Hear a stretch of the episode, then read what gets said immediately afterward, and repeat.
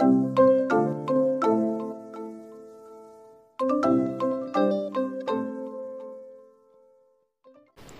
semuanya, balik lagi bersama gue Aryo di sini di Hey Journal dan kali ini gue kedatangan tamu seorang wanita yang juga punya pengalaman yang cukup banyak di bidang entrepreneur dan juga seorang motivational speaker.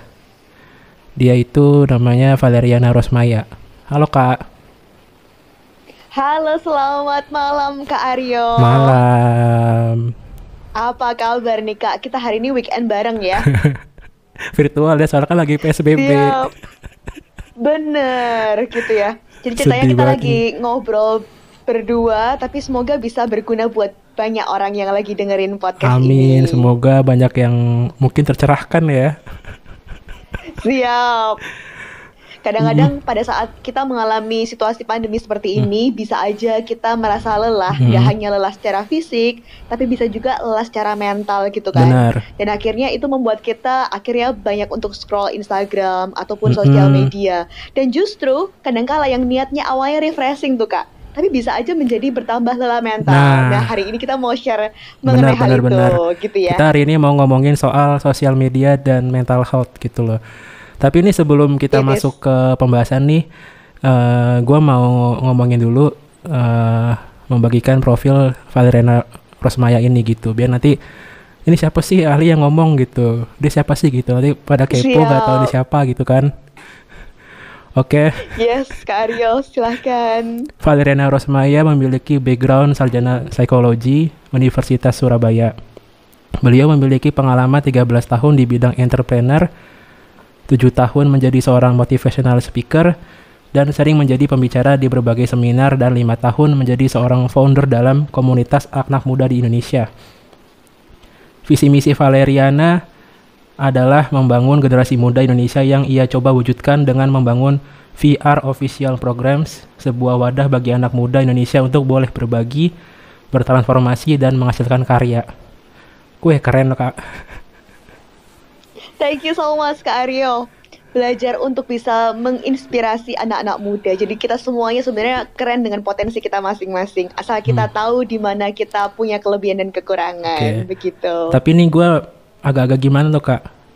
Instagram gue nggak di follow kak. Kenapa, Instagram gue nggak di follow back, kak. Pa- parah lo, kak. Oh siap siap siap. Habis gini ya, habis Parah gini lu, ya. Aku parah lu, parah lu, ya. parah lu. Ini Wah, nih, parah lu. ini nih biasanya yang bisa menjadi sebab nih ya. Parah lo. Kan kita Maafkan, kecewa Aryo. gitu kan. Nggak di follow, nggak di follow back gitu loh. Itu bikin mental gue down Jangan gitu di follow kak. Gitu Uh-uh. ya. Nah tapi sebenarnya yang terpenting itu Kak Aryo dulu merasa berharga nggak nih? Karena kalau sebenarnya Kak Aryo merasa berharga, walaupun ada orang yang mungkin nggak nge-follow back ataupun nggak nge-like gitu ya, tapi Kak Aryo tetap merasa Hmm. bahwa Kak Aryo itu sebagai orang yang utuh gitu. Jadi tanpa orang lain harus memberikan suatu kontribusi dalam kehidupan kita, kitanya sudah merasa fulfill atau udah merasa terlengkapi dengan baik kayak begitu. Sebenarnya gue malah ngerasa semenjak gue kenal sosial media malah hidup gue berubah banget loh. Gitu ya, perubahannya gimana tuh kak? Lebih ke positif atau negatif? Ada ada positif negatifnya sih kalau uh, sisi positifnya mungkin gue bisa kenal orang yang nggak bisa gue kenal di di dunia ny- nyata gitu loh. Dunia sehari-hari gue. Mhm. Negatifnya gue kayak jadi bergantung sama beberapa hal yang ya gitu deh pokoknya jadi kayak ya pokoknya kita bahas lah. Ini Siap. Eh, ada beberapa pembahasan yang bakalan ki- kita bawain di sini. Yang Yes. semuanya itu kayaknya ngakar nih dari atas sampai bawah. Yes, dari hulu ke hilir Iya, ya. Kita uh-uh. benar-benar dalam Uh-uh. banget hari ini, setajam silet gitu Weh. ya. Ah, tidak. Aku mati hari ini. Mati hari ini jangan jangan jangan. Ah, Kita masih di awal tahun 2021 nih, Kak. Iya. Jadi masih masih kurang begitu banyak hal yang kita akan lewati ke depan. Uh-uh. Yes. Dan ini eh, out of topic dikit ya. Eh, paling nggak tuh kita udah punya harapan ya soalnya vaksin udah udah mulai diberikan kan ya. Semoga ya bisa tepat Yes. ini. Jadi nggak ada kecemasan lagi tuh di Amin. sosial atau di sosial media di mana-mana gitu biar cepat-cepat selesai lah ini pandemi lah. Yes, semoga segera berlalu dan kita bisa kembali ke era yang benar-benar normal biasanya ya, Kak ya. Amin. Nah, Amin. kita bakal mulai mem- eh, pembahasan kali ini dengan adanya kan eh, gue ini selalu update loh kak di Instagram, di Twitter gitu soal Yes. beberapa hal yang viral-viral gitu loh.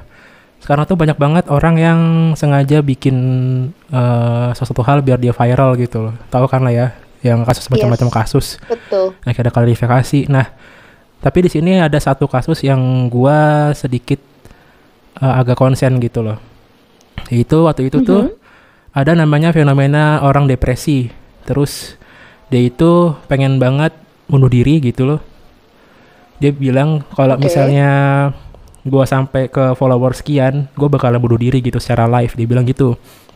Itu kalau nggak salah kejadiannya Wow, oke. kalau nggak salah kejadiannya tahun lalu apa dua tahun lalu ya gue gue lupa pokoknya pernah kayak gitu kejadian dan ternyata pas udah Mhm. nyampe angka berapa gitu nih orang ini malah ngebuka jasa endorsement gitu loh Nah, Oke. akibatnya Mempergunakan kesempatan ya malahan ya. akibatnya itu malah jadi si orang-orang yang benar-benar butuh pertolongan kayak ya butuh teman buat apalah buat surhat segala macam dianggap negatif kak apalagi waktu itu gue pernah Oke. nonton eh, podcastnya salah satu figur gitu yang bilang orang kalau depresi itu nggak mungkin buka sosial media dia pasti butuh temen waktu sendiri gitu nggak mungkin bla bla bla gitu kan nah tapi gue kurang Oke. gue kurang setuju tuh kak sama pendapatnya Mhm. karena kalau orang udah depresi terus dia mau untuk sharing sama orang lain itu berartinya ber- dia dalam hatinya Yes. pengen pengen eh, membaik lah gitu loh karena kan yang dibutuhin, dibutuhin sama orang depresi itu kan adalah teman teman ngobrol aja sih bukan teman yang nasihatin segala macam nggak nggak perlu gitu sih kalau Exactly. hmm, kenapa Iya, bener banget. Exactly. Ah, ah. Exactly right, Kak. nah Mhm. sekarang jadi orang kayak gini susah gitu loh kan kita kan nggak nggak tahu problemnya apa kan segala macam. Terus belum tentu dia dari eh, keluarga yang baik-baik atau gimana siapa tahu dia seorang broken home atau nggak punya teman korban bullying segala macam gitu. Sampai dia nggak bisa ngomong ke teman-temannya gitu. Dan eh, dia cuma bisa ngomong di sosial media gitu loh. Nah nah dengan Betul. efek yang sekarang orang bil orang bilang apa ya? Ah lu eh, sosokan eh, mental illness tuh sosokan ini lu gitu gimana tuh kak? Yes. Oke, jadi sebenarnya begini Kak Aryo, ini pembahasan yang menarik banget ya, karena ini salah satu fenomena yang muncul di tengah millennials gitu ya, dan itu bisa aja membuat kita semua rancu nih akan bagaimana ciri-ciri orang yang memang depresi dan ingin bunuh diri, atau dengan orang yang sebenarnya cuman seeking attention, atau cuman cari perhatian aja gitu Benar-benar. kan. Nah sebenarnya benang merahnya tuh begini, kalau kita mau membahas dari sisi psikologis ya kak ya, dari orang yang membuat konten yang seperti kakak sampaikan sampai dengan dia membuka jasa endorsement, itu sebenarnya itu dia dalam keadaan di mana seseorang ini mencari berusaha mencari yang namanya seeking attention. Seeking attention itu kondisi di mana seseorang itu haus perhatian kak Mm-mm. dan akhirnya berusaha nih mempergunakan berbagai cara supaya dirinya tuh bisa diperhatikan, diakui bahkan bisa mendapatkan suatu benefit nih dari apa yang dialaminya. Contoh, kita pura-pura sakit gitu ya supaya pacar kita jadinya Oh perhatian. ya, Misal awalnya pacar kita cuek orangnya, tapi kita berusaha pura-pura sakit supaya pacar kita bisa care sama kita Hmm. dan akhirnya kita mempergunakan kesempatan itu untuk mendapatkan suatu keuntungan. oke. Jadi misalnya nih ya supaya pacar care, kemudian dia akhirnya jadinya nggak mau meninggalkan kita, jadinya atau nggak dia makin lebih sayang, lebih menunjukkan perhatian dan segala macamnya. Nah, untuk orang-orang dengan tipe seperti ini itu lebih baik saran aku adalah kita berusaha menghargai saja, tapi tidak usah terlalu memberikan respon berlebih. Entah itu berupa hujatan ataupun berupa empati. Jadi maksudnya kadangkala berusaha untuk tidak menanggapi seseorang yang seperti itu itu adalah respon terbaik kak. Oke. Karena apa sih? Walaupun dia diperhatikan, diperhatikan tuh ada dua bentuk kak. Mm. Yang pertama diperhatikan secara positif ya dalam arti ah kamu kasihan banget sih harusnya kamu tuh Oke. mendapat support Kayak kasih semangat atau gitu kita ya. berempati. Iya kayak ngasih semangat kayak Mhm. seperti itu. Nah itu adalah suatu hal yang dia harapkan.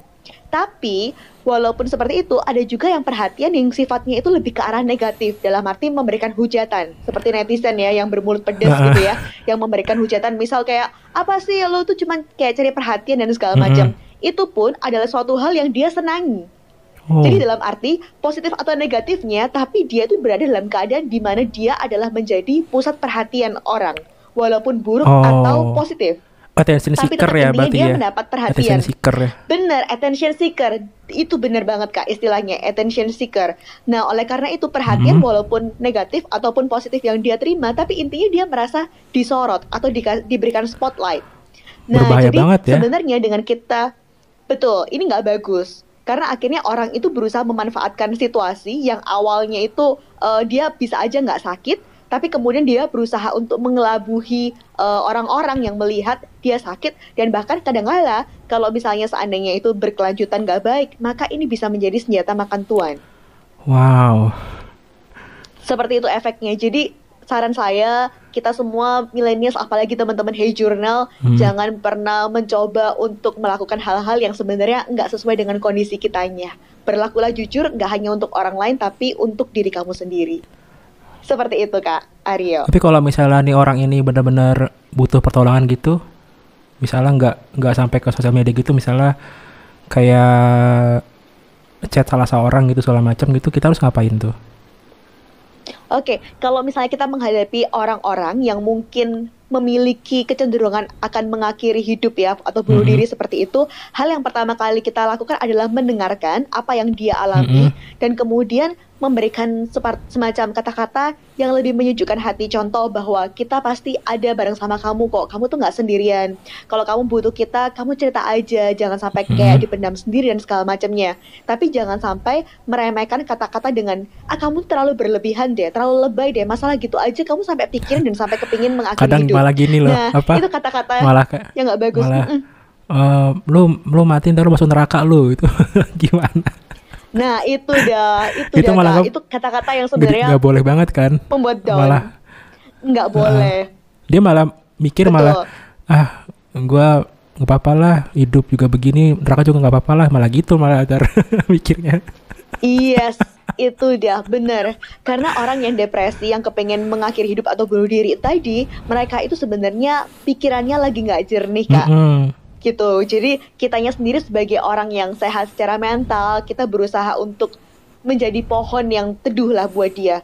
Jadi jangan sampai kitanya sendiri yang menjadi api yang membakar suasana kayak begitu. intinya kalau orang depresi itu lu ngasih tahu dia soal misalnya ada misalnya kan kalau dia agama kan nggak boleh segala macam gitu kan itu Betul. itu mah orang depresi mah pasti mental soalnya pikirannya Betul. udah udah nggak udah nggak ke mana udah nggak ini lagi kalau dia kalau dia apa namanya nggak depresi dia nggak nggak bakalan ngelakuin itu gitu loh pasti dia inget Betul. orang beriman nggak boleh begini begini pasti begitu ya nggak sih Betul.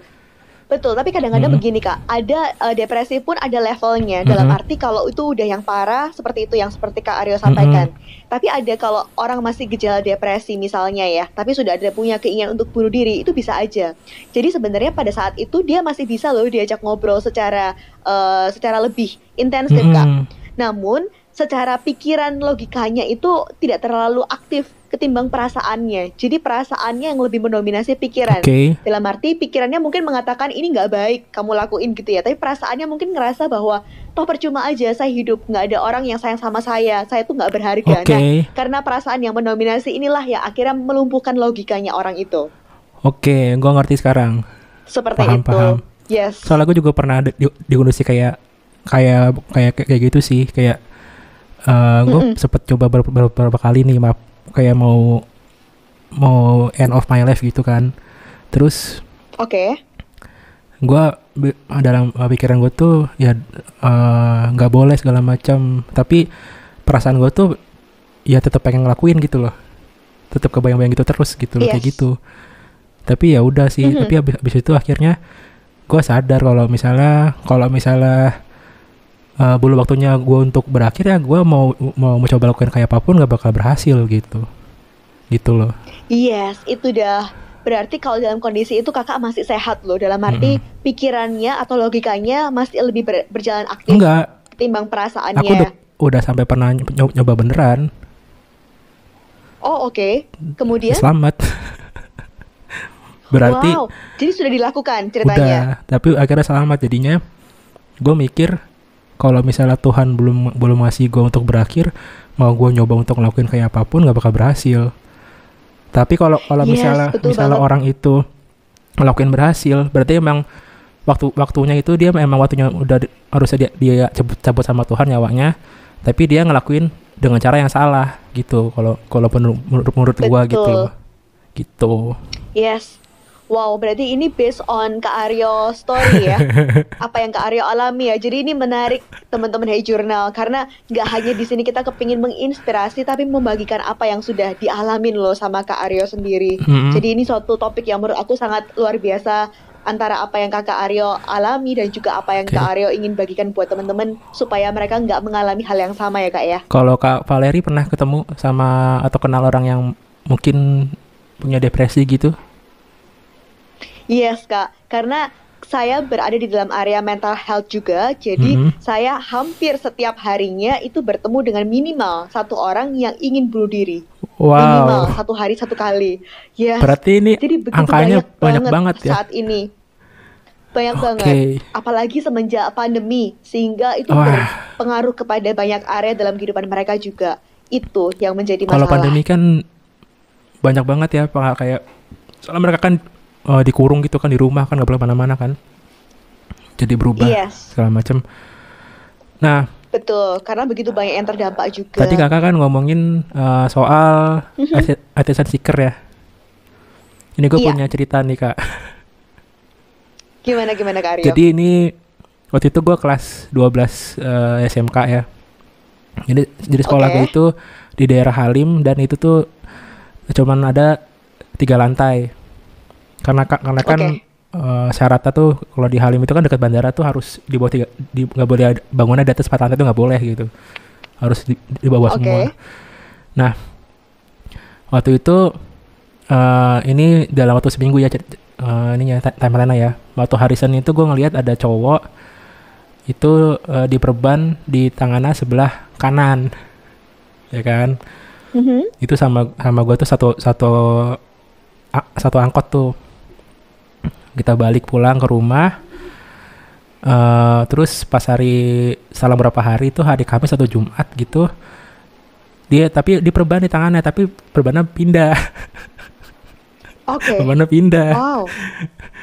gue gue eh, teman gue kan nanya gini bro itu adik kelas bukan kemarin di sebelah kiri kok sekarang sebelah kanan sih perbannya? Gue bilang gitu. Tadi ya Oke. nggak tahu bukan urusan gue wah gue juga bingung kan terus tiba-tiba tuh Mhm. pas lagi jam istirahat itu rame-rame tuh eh bukan jam istirahat setelah jam istirahat pada masuk tuh rame Oke. jadi cowok Apa nih yang cowok yang yang tadi perubahan pindah itu itu tuh udah di atas Yes. atap pengen lompat Oh my god. Oke. Terus pengen terus. lompat tahu nggak apa yang kan orang-orang kan pandangan kalau di film-film kan kayak jangan jangan gitu kan Ini Yes. orang di bawah malah bilang lompat lompat Wow serius. Ini terjadi beneran, ya. Beneran. Wow. lompat terus terus kak. lompat lompat lompat gitu kan terus si, si cowok ini ngomong teriakan gini apa kok nama-nama ceweknya siapa gitu sebutnya mawar ya mawar Iya. kalau misalnya kamu masih eh, nggak mau aku apa nggak mau aku mati eh, tolong maafin aku aku masih cinta sama kamu gitu katanya Wow. Oke. Terus. gue gue jadi ketawa ya pokoknya Oh my god. Ini yang seperti di film-film terjadi beneran ya. terus dia ini Oke. masih dia tuh jadi maju terus mundur maju mundur gitu loh Mm-mm. tapi kata teman gua waktu itu kalau ada meskipun dia lompat di- dia tuh nggak bakal mati paling patah leher gitu katanya soalnya kan cuman tiga lantai doang kata gitu waktu itu Oke. lompat lompat oke. lompat makanya pada bilang lompat soalnya udah udah yakin kalau dia orang kalau lompat juga nggak bakal mati gitu Oke. Dan kemudian akhirnya lompat apa enggak ya? akhirnya dua orang teman gua dari anak osis tuh naik ke atas itu orang ditonjok langsung langsung pingsan terus di, di, dibawa Hah? ditonjok ditonjok Wow. langsung di dibawa turun Ya ampun. Oke. ternyata itu backgroundnya Wow. itu si cowok ini Mhm. tuh nggak bohong jadi tuh cowoknya ini tuh sama ceweknya ini tuh pacaran tapi ceweknya itu kayak ilfil gitu sama cowoknya ini gue nggak tahu lah masalah apa Oke. kan masalah pribadi mereka lah ya kan tapi habis itu cowok ini kayak itu yang tadi dibilang itu attention seeker gitu pura-pura sakit Nah, itu dah. sampai akhirnya ketahuan Yes. karena perbanan pindah Ya ampun. Oke, oke. Jadi ini seperti semacam tanda petik permainan yang dibuat Heeh. ya. dan mungkin itu yang tadi yang dia naik ke atas itu juga sebenarnya bukan dia mau ini tapi mungkin mencari itu juga seeker Iya, juga betul, betul. untuk Betul.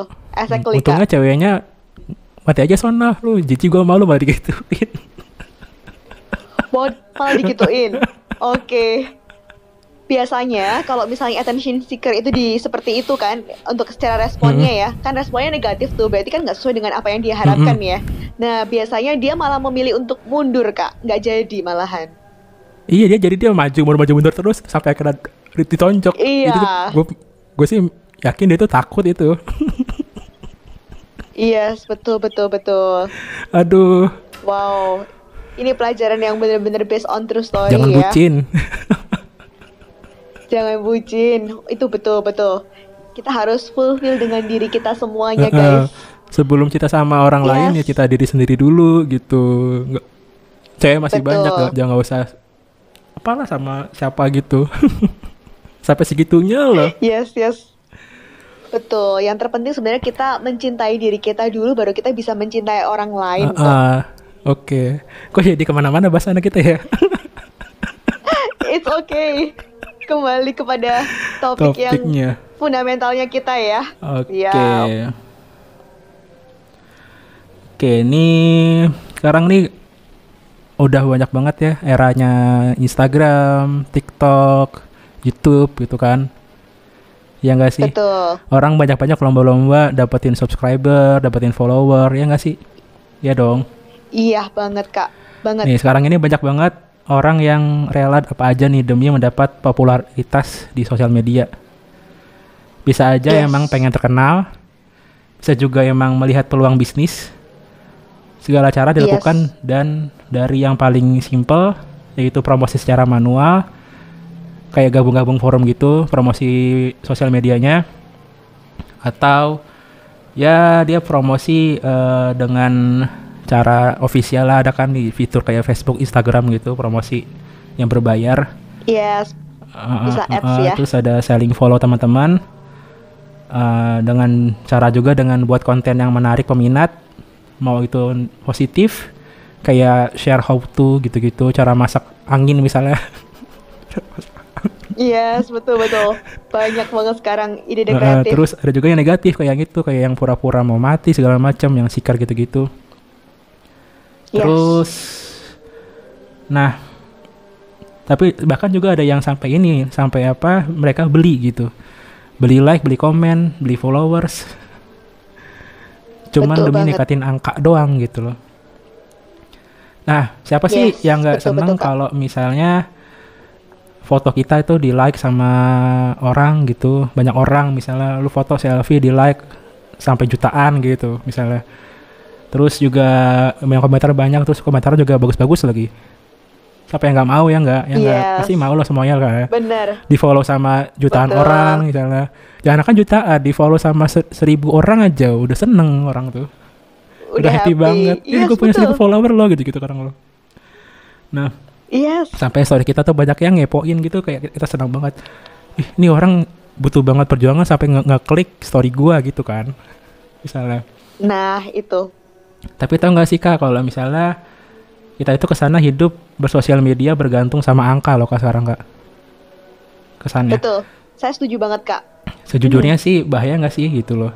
Kita jadi ngelihat sesuatu itu dari angka gitu loh. Kayak misalnya ada yang mau eh, ngajakin join nih kayak kerjasama gitu atau kenalan gitu. Pasti ini lihat tuh jumlah Yes. follower dulu gitu loh. Ah cuma follower segini Iya, mau ngajak kenalan, oh, ke laut aja lu gitu. nah dari itu semua bagaimana Iya. cara eh, sehat nih biar sosial media nggak bergantung sama angka gitu kak. Wow, ini menarik banget apa yang Kak Aryo tanyakan. Jadi benar-benar sekarang kita melihat adanya perubahan yang tajam ya Kak ya. dulu saya masih ingat banget pada saat kayak saya masih sekolah ataupun kuliah Instagram dan segala macam itu nggak begitu hits ya Benar. seperti saat ini sehingga kita rasanya tuh hidup lebih adem ayem dan masalahnya tuh ya seputar itu itu aja gitu Mm. dalam arti nggak sampai berpengaruh masalah yang seperti sosial media sampai dengan mental health sehingga cerita tentunya semakin perkembangan zaman semakin bertambah juga banyak kecanggihan di luar sana termasuk sosial media bertambah Hmm. dan akhirnya kita melihatnya tuh keberhargaan kita. Poinnya adalah keberhargaan kita akhirnya ditentukan dari seberapa banyak followers yang kita punya, Benar. entah itu followers ataupun subscriber seperti Hmm. itu. Nah, sebenarnya itu ada cara yang tepat untuk supaya bisa menjadi orang yang bijak dalam menggunakan sosial media. Oke, apa tuh? Apa Nah, tuh? caranya ini Kak Alio itu berga ber eh, kembali lagi jadi bergantung lagi sebenarnya kepada kita untuk kita tanyain sebenarnya kita itu siapa. Oke. Jadi namanya ini kita tanya sama diri kita atau self talk sebutannya. Self talk di mana kita tuh menanyakan kepada diri kita akan siapa diri kita, akan apa yang kita sukai, akan apa sebenarnya tujuan hidup kita. Jadi semacam kita ngobrol sama diri kita nih Kak Hmm. kamu tuh siapa sih? Kamu tuh sukanya apa sih? Kamu tuh merasa berharga kalau kamu tuh diapain sih? Apa sih definisi kebahagiaan buat kamu dan segala macamnya? Oke. Kita berusaha untuk ngajakin ngobrol diri kita. Karena apa sih? Sebenarnya yang perlu diajak ngobrol itu bukan kamu sama teman Mhm. kamu ataupun kamu sama pacar kamu atau kamu sama gebetan kamu Oke. gitu kan. Nah, tapi kita juga nggak kalah pentingnya untuk ngajak ngobrol diri kita sendiri. Kebanyakan Self-talk, dari kita oke. berfokusnya sama orang lain Hmm, benar-benar. Kebanyakan dari kita berfokusnya kepada orang lain. Kita berusaha untuk pingin menjadi orang yang disukai orang lain. Akhirnya melakukan suatu hal yang kepingin orang lain tuh lakukan, tapi kitanya nggak nggak mau padahal. Mm-mm. Tapi kita berusaha untuk memaksakan. Akhirnya apa sih? Dengan itu kita tuh mengalami yang namanya krisis identitas diri. Krisis identitas diri. Jadi krisis betul banget. Krisis identitas tuh akhirnya kita jadi nggak paham kak siapa kita. Sehingga apa sih yang menjadi sebab dan akibatnya dengan kita nggak paham diri kita siapa, kita akhirnya melihat keberhargaan kita dari yang biasanya orang lain lihat itu baik. Contoh, orang Oh, lain iya. lihatnya kalau seandainya followers kamu tuh banyak, kamu keren. Akhirnya kita berpikir hal yang sama. Oh iya ya, betul juga. Mm-mm. Misalnya lagi katakan, kalau kamu tuh misalnya punya pekerjaan minimal angka pendapatannya misal 10 juta, itu baru kamu artinya sukses. Oh ya. Nah, sehingga kita berusaha untuk mengikuti standar yang berlaku di masyarakat. Atau paling gampang nih kak, biasanya kalau di Indonesia, kakak biasanya kalau melihat cewek cantik itu, cewek itu harus seperti apa sih kak? Kalau gua sih jujur aja nggak nggak ada patokan sih.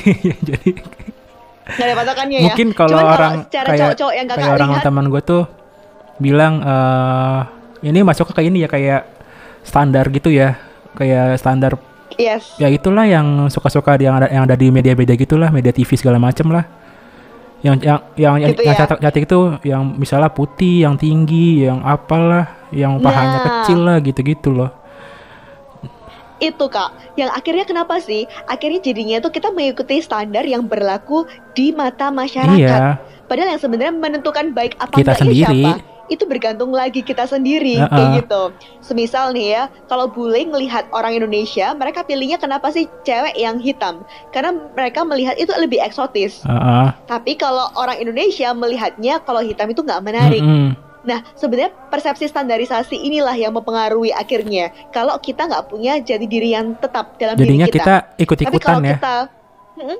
ikut-ikutan, bener, itu kata kuncinya kak.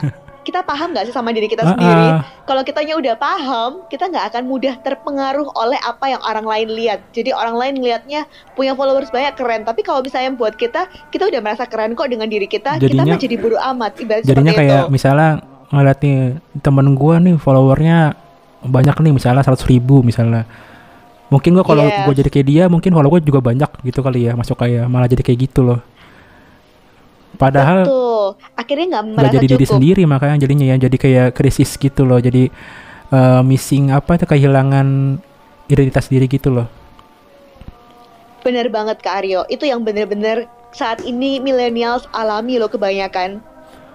Dan akhirnya jadinya merasa dirinya mereka nggak happy, merasa akhirnya diri mereka kayaknya ketinggalan karena orang-orang lain udah maju, udah keren dengan cara mereka sendiri, tapi mereka merasa stuck di tempat dan akhirnya mereka berpikirlah untuk bunuh diri dan segala macamnya itu. dan lagi kalau misalnya dari kondisi kayak sosial media sekarang ya yang sekarang kan eh, semuanya bisa ngasilin duit kan dari itu endorsement dari Bener. AdSense dulu itu gua nih Betul. mulai nge YouTube itu dari tahun 2011 waktu belum ada AdSense waktu itu dan gue have fun Oke. aja bikin aja bikin video apa aja mau gue bikin nggak ada salah-salah bikin konten tuh nggak ada kayak teman gue lagi tidur gue rekam gitu gitu loh kalau sekarang tuh ke sana Yes, yes. wah kita harus bikin konten nih harus bagus nih biar dapat ini gini gini nih udah ke sana semua arahnya gitu loh jadi nggak jadi Iya. kehilangan diri sendiri gitu nggak sih malahan Bener. Tapi kalau misalnya pada saat Kak Aryo yang tadi Cek Aryo contohkan, Hmm. Kak Aryo menjalani tanpa motif apa pun karena Kak Aryo mungkin suka aja Ah, gitu ya.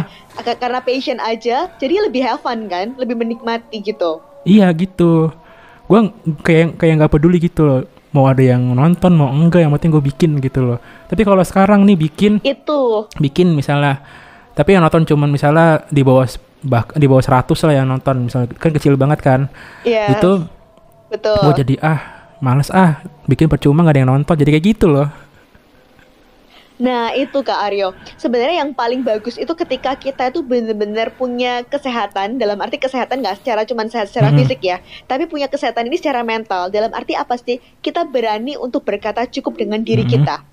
Jadi walaupun nanti hasilnya nggak nggak sesuai dengan ekspektasi Mhm. gitu ya, tapi kita merasa bahwa kita sudah melakukan yang terbaik yang kita punya loh. Jadi the reward is real, bukan karena ada orang lain yang memberikan reward atau pujian, tapi kita merasa kita sudah melakukan yang terbaik dan itu sudahlah cukup kayak gitu. dan bahkan demi konten gitu ya banyak orang yang sampai memilih jalan buat bikin konten yang negatif gitu loh karena konten negatif nih Yes. banyak banget yang peminatnya ternyata gitu loh ya mungkin Betul. karena merasa terwakilkan karena di, di TV kan nggak mungkin ada konten negatif kan?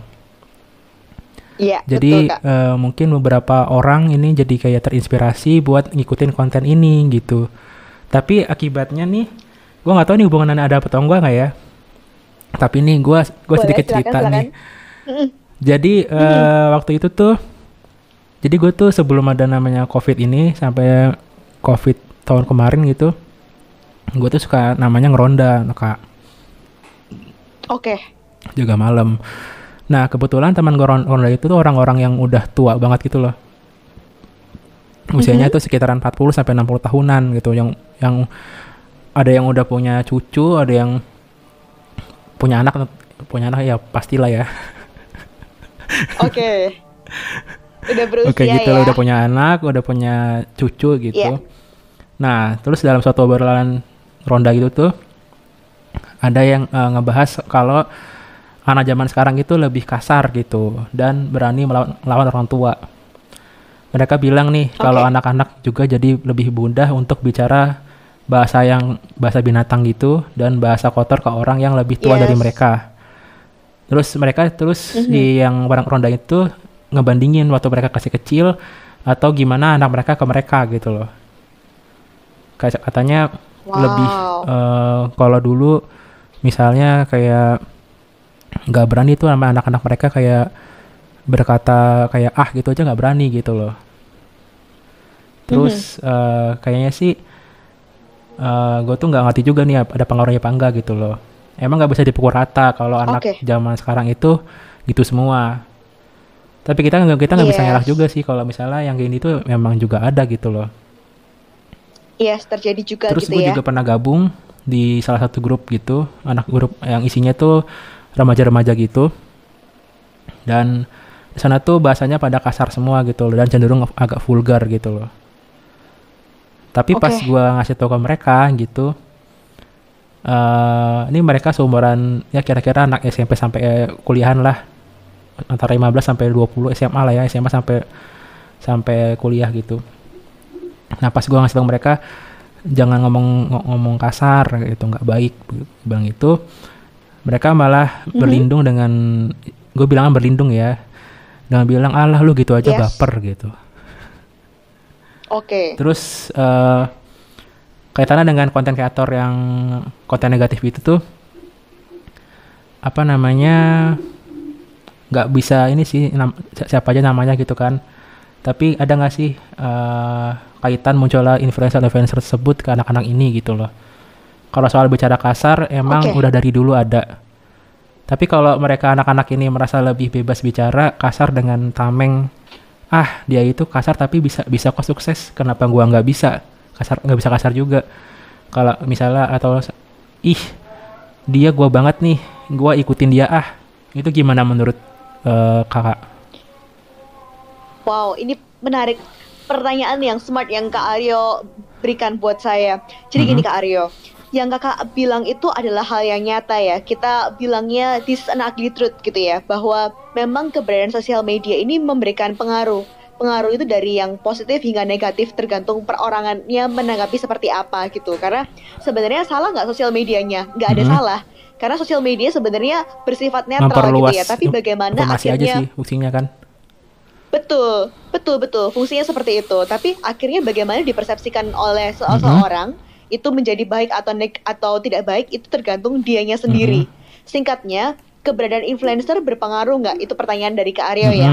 Sebenarnya berpengaruh apa enggaknya itu nggak hanya dari influencer aja. Jadi dari banyak faktor ya mm-hmm. Kak ya. Karena kita nggak bisa ngelihat bahwa apakah itu cuma menjadi faktor satu-satunya, tapi bisa aja kita melihat background keluarganya seperti apa, teman-temannya hmm. seperti apa, dan lain sebagainya. Jadi ada banyak hal. Tapi kalau misalnya dengan singkat bisa dijawab bahwa keberadaan influencer ini berpengaruh nggak? Yes, hmm. berpengaruh.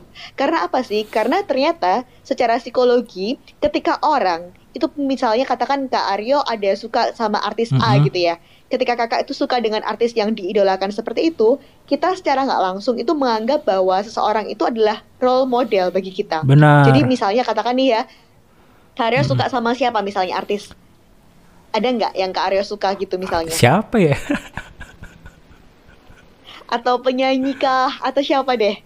Yang mungkin Kak Aryo merasa, wah ini kayaknya menjadi role model yang baik gitu buat kakak misal. Role model gue itu ini apa? Lebih ke ini sih gue kurang begitu suka para artis sih kayak misalnya mungkin ini kali ya pemain bola kali ya boleh, pemain bola misalnya. Misalnya gue suka banget sama ini uh, kakak kakak kakak ya pemain Milan dulu. Mm -mm. Kakak. Oke siap. Misalnya Kak Aryo suka sama kakak mm -hmm. gitu ya. Nah apa pun yang kakak misalnya lakukan, entah itu dari uh, fashion ataupun cara berpakaian dia, cara dia bersikap dan segala macam, Kak Aryo mungkin akan berpikir bahwa itu keren secara nggak hmm. langsung ya sadar hmm. atau nggak sadar ya kalau emang Kak Aryo bener-bener suka banget kita kan berusaha untuk mengikuti orang yang kita idolakan hmm. gitu ya nah secara nggak langsung itu secara psikologisnya kalau kita belajar itu manusia mengalami yang namanya modeling modeling di sini bukan yang berjalan di atas oh, catwalk gitu meniru, ya Kak Aryo tapi meniru, meniru uh, iya itu masuk di pelajaran gue meniru Yes, modeling exactly bener uh, uh. banget. Nah, proses meniru ini sebenarnya bisa ada dua proses kak. Okay. Yang pertama itu proses secara sadar dan yang kedua itu nggak sadar. Oke. Okay. Nah, ini menarik. Sadar itu ketika Kak Aryo itu benar-benar bisa membedakan mana yang nggak baik dan mana yang baik, hmm. sehingga yang nggak baiknya akhirnya dilepaskan, yang baik kita tiru. Ada filter gitu ya? Seperti itu. Di diri kita ada filter. Ada filter secara nggak langsung. Hmm Benar. Misalnya katakan nih ya ternyata kakak uh, dia mengajarkan bahwa cara menang main bola itu misalnya udah kita Diving. kayak berlaku kasar gitu Diving, gitu aja pas macam, misalnya uh -uh. umpama ya. Nah, misalnya kayak seperti itu. Kemudian Kak Aryo pikir ya, enggak dong itu nggak baik gitu kan. Itu proses filter yang okay. bisa terjadi. Akhirnya Kak Aryo nggak nggak nggak meniru akan suatu perilaku. Nah, tapi yang bahaya itu adalah yang kedua, yaitu ketika modeling itu yang dilakukan secara prosesnya itu nggak sadar, Kak. Tapi karena Kak Aryo sering men mendengar ataupun sering hmm. melihat, lama-kelamaan itu tertanam sebagai value di dalam dirinya kakak, tanpa kakak sadari sekali lagi. Hmm. Contoh, pernah nggak sih gampangannya, ini sebagai buktinya ya, pernah nggak sih Kak Aryo, kalau misalnya umpama nih ya, saya kayak tanya, eh, kira-kira kalau misalnya ada, apa namanya, uh, sari roti, itu bunyinya kayak gimana Kak? Yang lewat di depan rumah. Ingat nggak bunyinya? Sari roti, roti, sari roti gitu kan? Exactly, itu kan, inget uh kan. Nah, tapi apakah Kak Aryo dengan sengaja itu di depan pagar, di depan rumah untuk menunggu saya roti tiba? Enggak, Enggak kan? sama sekali. Tapi karena saya roti beberapa kali datang dan segala macam, akhirnya terekam uh, uh, kan. Jadi keinget terus. Nah, dia keinget terus, exactly. Jadi artinya apa sih? Kalau misalnya seandainya kita punya seseorang yang kita idolakan atau role model ataupun influencer hmm. siapa pun deh, nggak harus dia menjadi role model di dalam hmm. kehidupan kita, tapi paling nggak kita sering tuh nontonin IG story dia, kita juga sering lihat IG IG fitnya hmm. dia. Intinya kita mengikuti banget kak, update banget. Nah lama kelamaan itu yang terjadinya seperti saya roti tadi, hmm. kakak bisa menyerap secara nggak langsung loh dan akhirnya bisa aja itu secara nggak sadar mempengaruhi apa yang kakak pikirkan atau kakak lakukan. Bisa jadi omongannya Gitu, jadi Kak. kayak copycat si ininya ya, si influencer itu ya. Iya, Uh-uh. bener. kayak Kalau ini sih teorinya sih gue ini dulu pernah eh, di kuliah gue tuh ada namanya teori belajar. Jadi Oke, cara belajar itu ada yang namanya role model gitu. iya jadi- bener. Kayak apa? Kayak ini loh. Kayak ini kayak kayak anjing gitu, kayak lonceng gitu. Yes, teorinya Heeh, Pavlov ya. Jadi kalau pertama itu dikasih dikasih daging gitu terus di- dikasih lonceng dia datang gitu loh. Ntar lama-lama dia nggak ini gitu loh. Betul. Gua agak lupa sih pokoknya gitu deh Iya. intinya deh. Yes, bener. uh-uh. Itu teori eh, rangsangan, Mm-mm. bener. Dan ternyata ngefek Mhm. juga di sosial media ya kayak gitu ya. Ngefek banget kak. Seperti itulah karena ujung-ujungnya cara bekerja otak kita itu seperti itu. Hmm. Karena otak itu seperti semacam sistem kak akhirnya. Jadi kalau misalnya seandainya kita akhirnya berusaha untuk melihat atau mendengarkan suatu hal dan segala macam, akhirnya terekam di otaknya kita. Hmm. Nah, dari terekamnya otak kita, akhirnya itu berpengaruh kepada apa yang mau kita lakuin di kehidupan nyata. Kayak Soalnya begitu. aku juga punya kenalan nih. Eh, ini aku ngomongnya Mhm. kadang aku kadang gue ya. Gak It's konsisten okay, it's okay, aja. Kak. Yang yang yang santai aja Ini Kak aku kan punya teman di itu kalau aku bilang sih keluarganya nggak bukan keluarga yang broken home gitu sih baik-baik itu kan sopan-sopan juga tapi dia Oke. sekarang ngomongnya ya Mhm. gitu bahasa bahasa kotor terus gitu segala macam gitu ternyata dia gitu yang dia follow tuh ya yang begitu-begitu gitu loh oke Iya, betul. ternyata dia secara nggak sadar otak itu merekam dan mengcopy semua itu ya tapi nggak ada filter filternya ya Bener banget. Sebenarnya, sebenarnya begini, sebenarnya ada filternya. Tapi tergantung kita lebih eh, percaya sama mana nih. Dalam arti kita lebih melihat value orang lain lebih baik daripada diri kita atau enggak. Nah, itu tergantung dari identitas diri yang tadi saya bahas di awal. Hmm. Jadi kalau misalnya kita udah paham sama diri kita, ketika misalnya nih Kak, Kak Aryo suka warna putih misalnya ya. Ketika ada orang yang kasih warna pink dan dia bilang bahwa pink itu yang warna terbagus, Kak Aryo pasti bilang aku nggak suka, aku sukanya putih Iya. gitu kan. Karena Kak Aryo tahu bahwa Kak Aryo suka putih.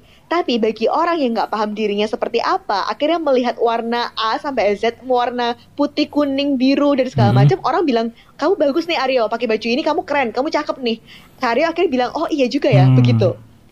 Jadi sebenarnya very simple karena otaknya manusia itu akan merekam segala sesuatu hal, termasuk hal dari hal yang kita nggak suka sampai hal yang kita suka dan akhirnya itu bisa tertanam kalau kita tuh nggak bisa memfilter dengan baik gitu Hmm, loh kak. Otak manusia itu gede ya.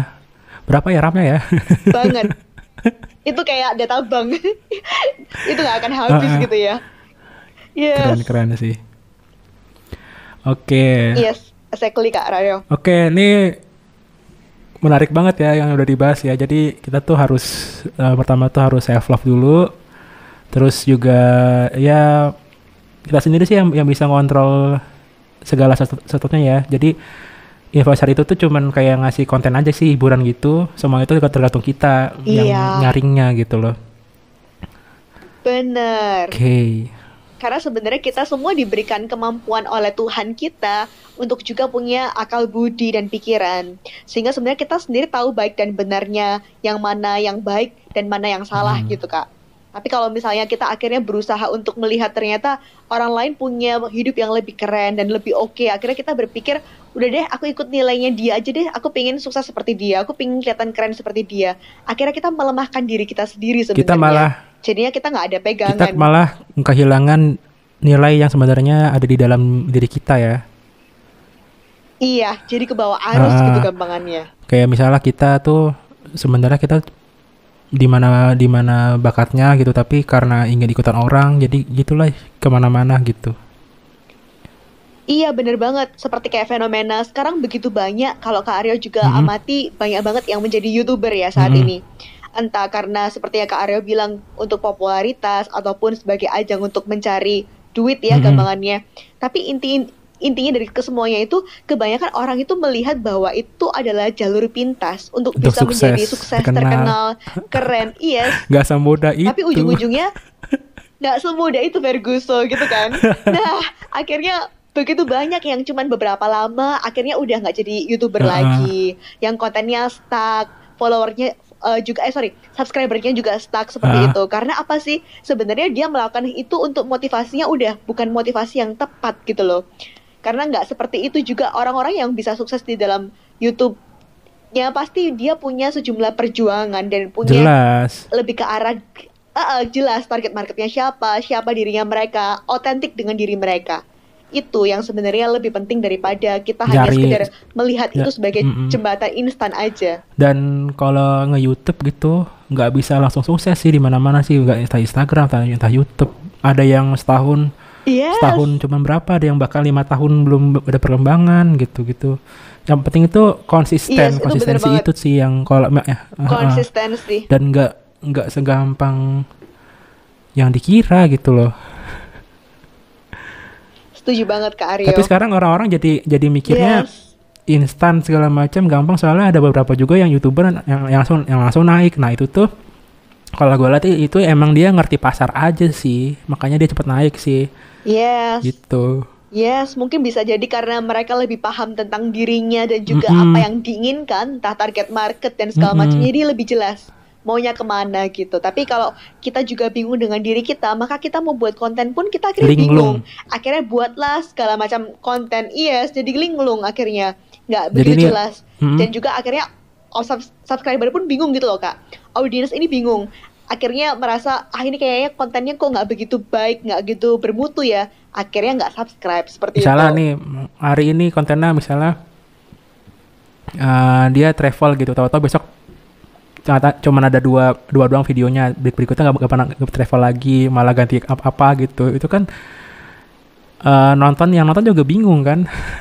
Algo, algoritmanya bingung. Yes, itu. kayak perasaan gue dulu nggak subscribe ini orang karena dulu dia kontennya travel lah. Kok sekarang kok jadi kayak jadi horor gitu. Kok beda gitu loh. Jadinya tek langsung di Wow. ada un- unsubscribe gitu kan bisa jadi gitu kan Bisa jadi banget kak. Itu yang sering terjadi kok sebenarnya. Fenomena aslinya ya.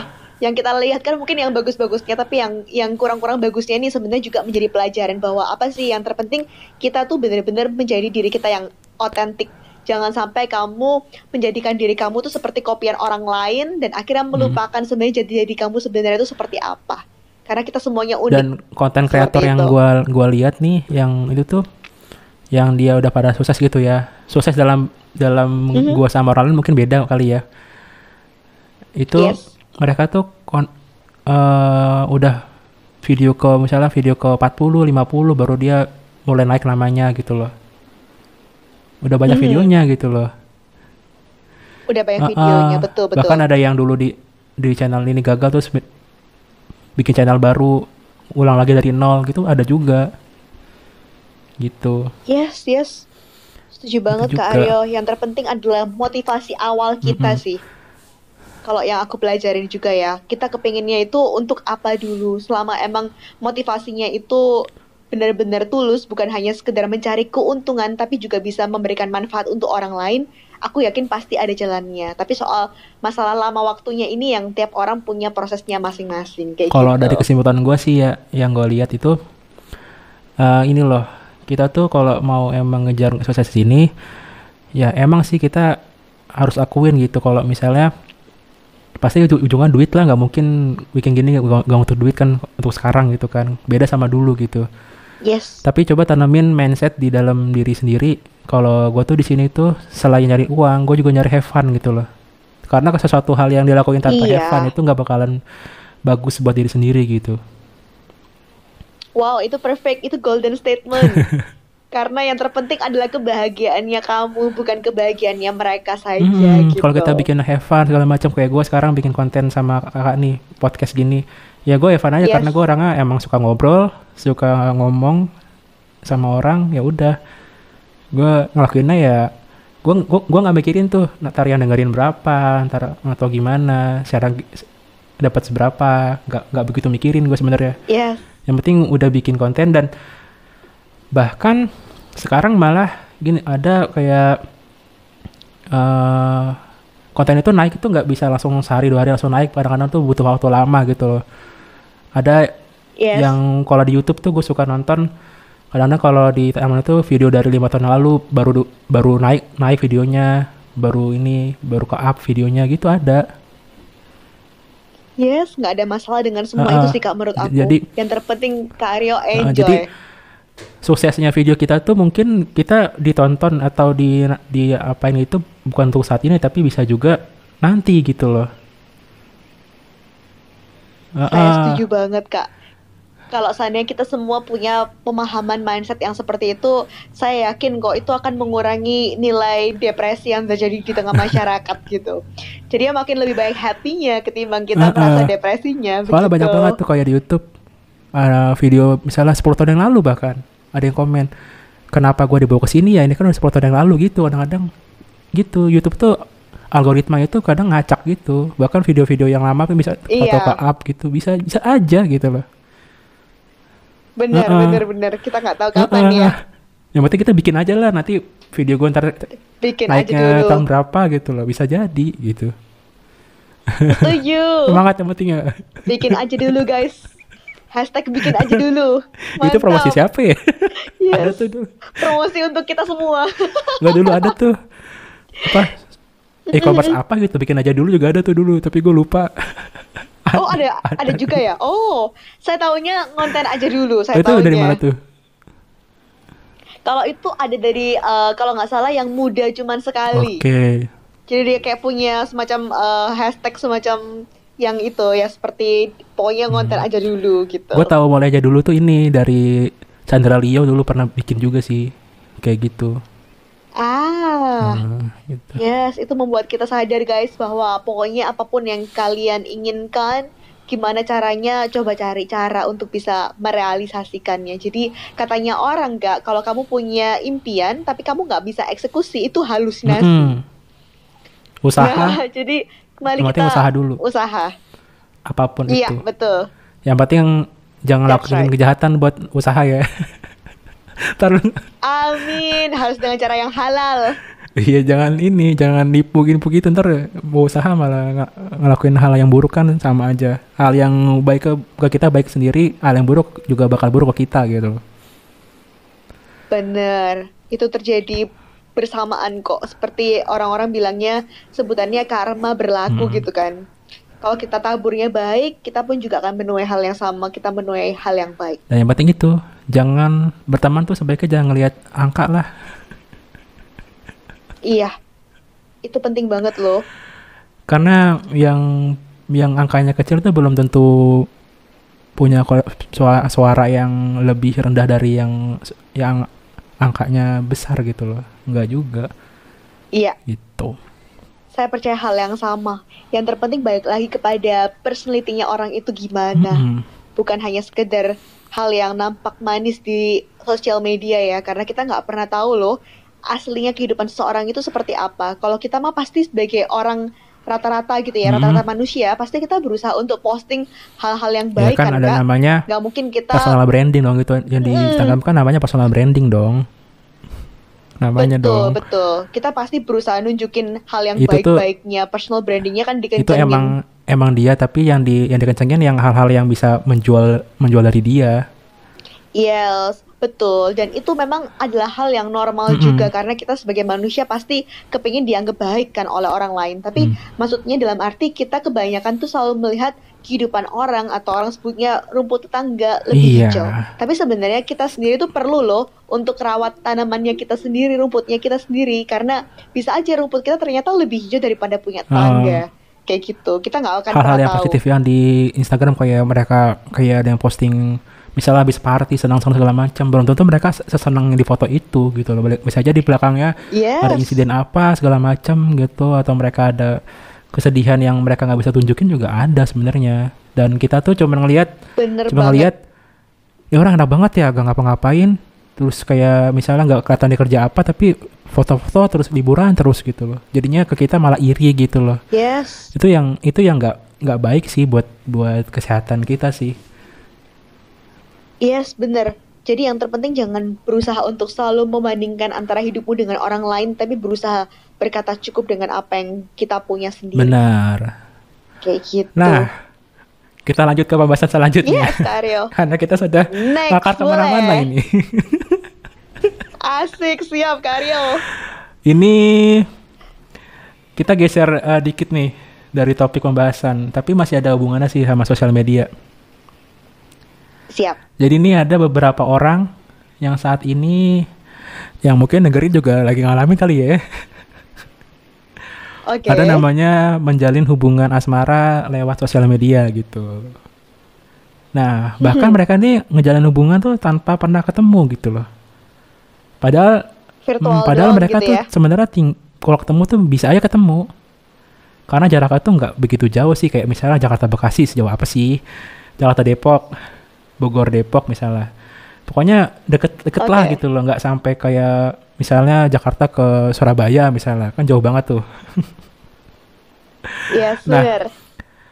hubungan percintaan mereka itu bisa dimulai bisa karena satu grup atau forum di salah satu sosial media misalnya kayak Kaskus atau grup lain, grup WA gitu.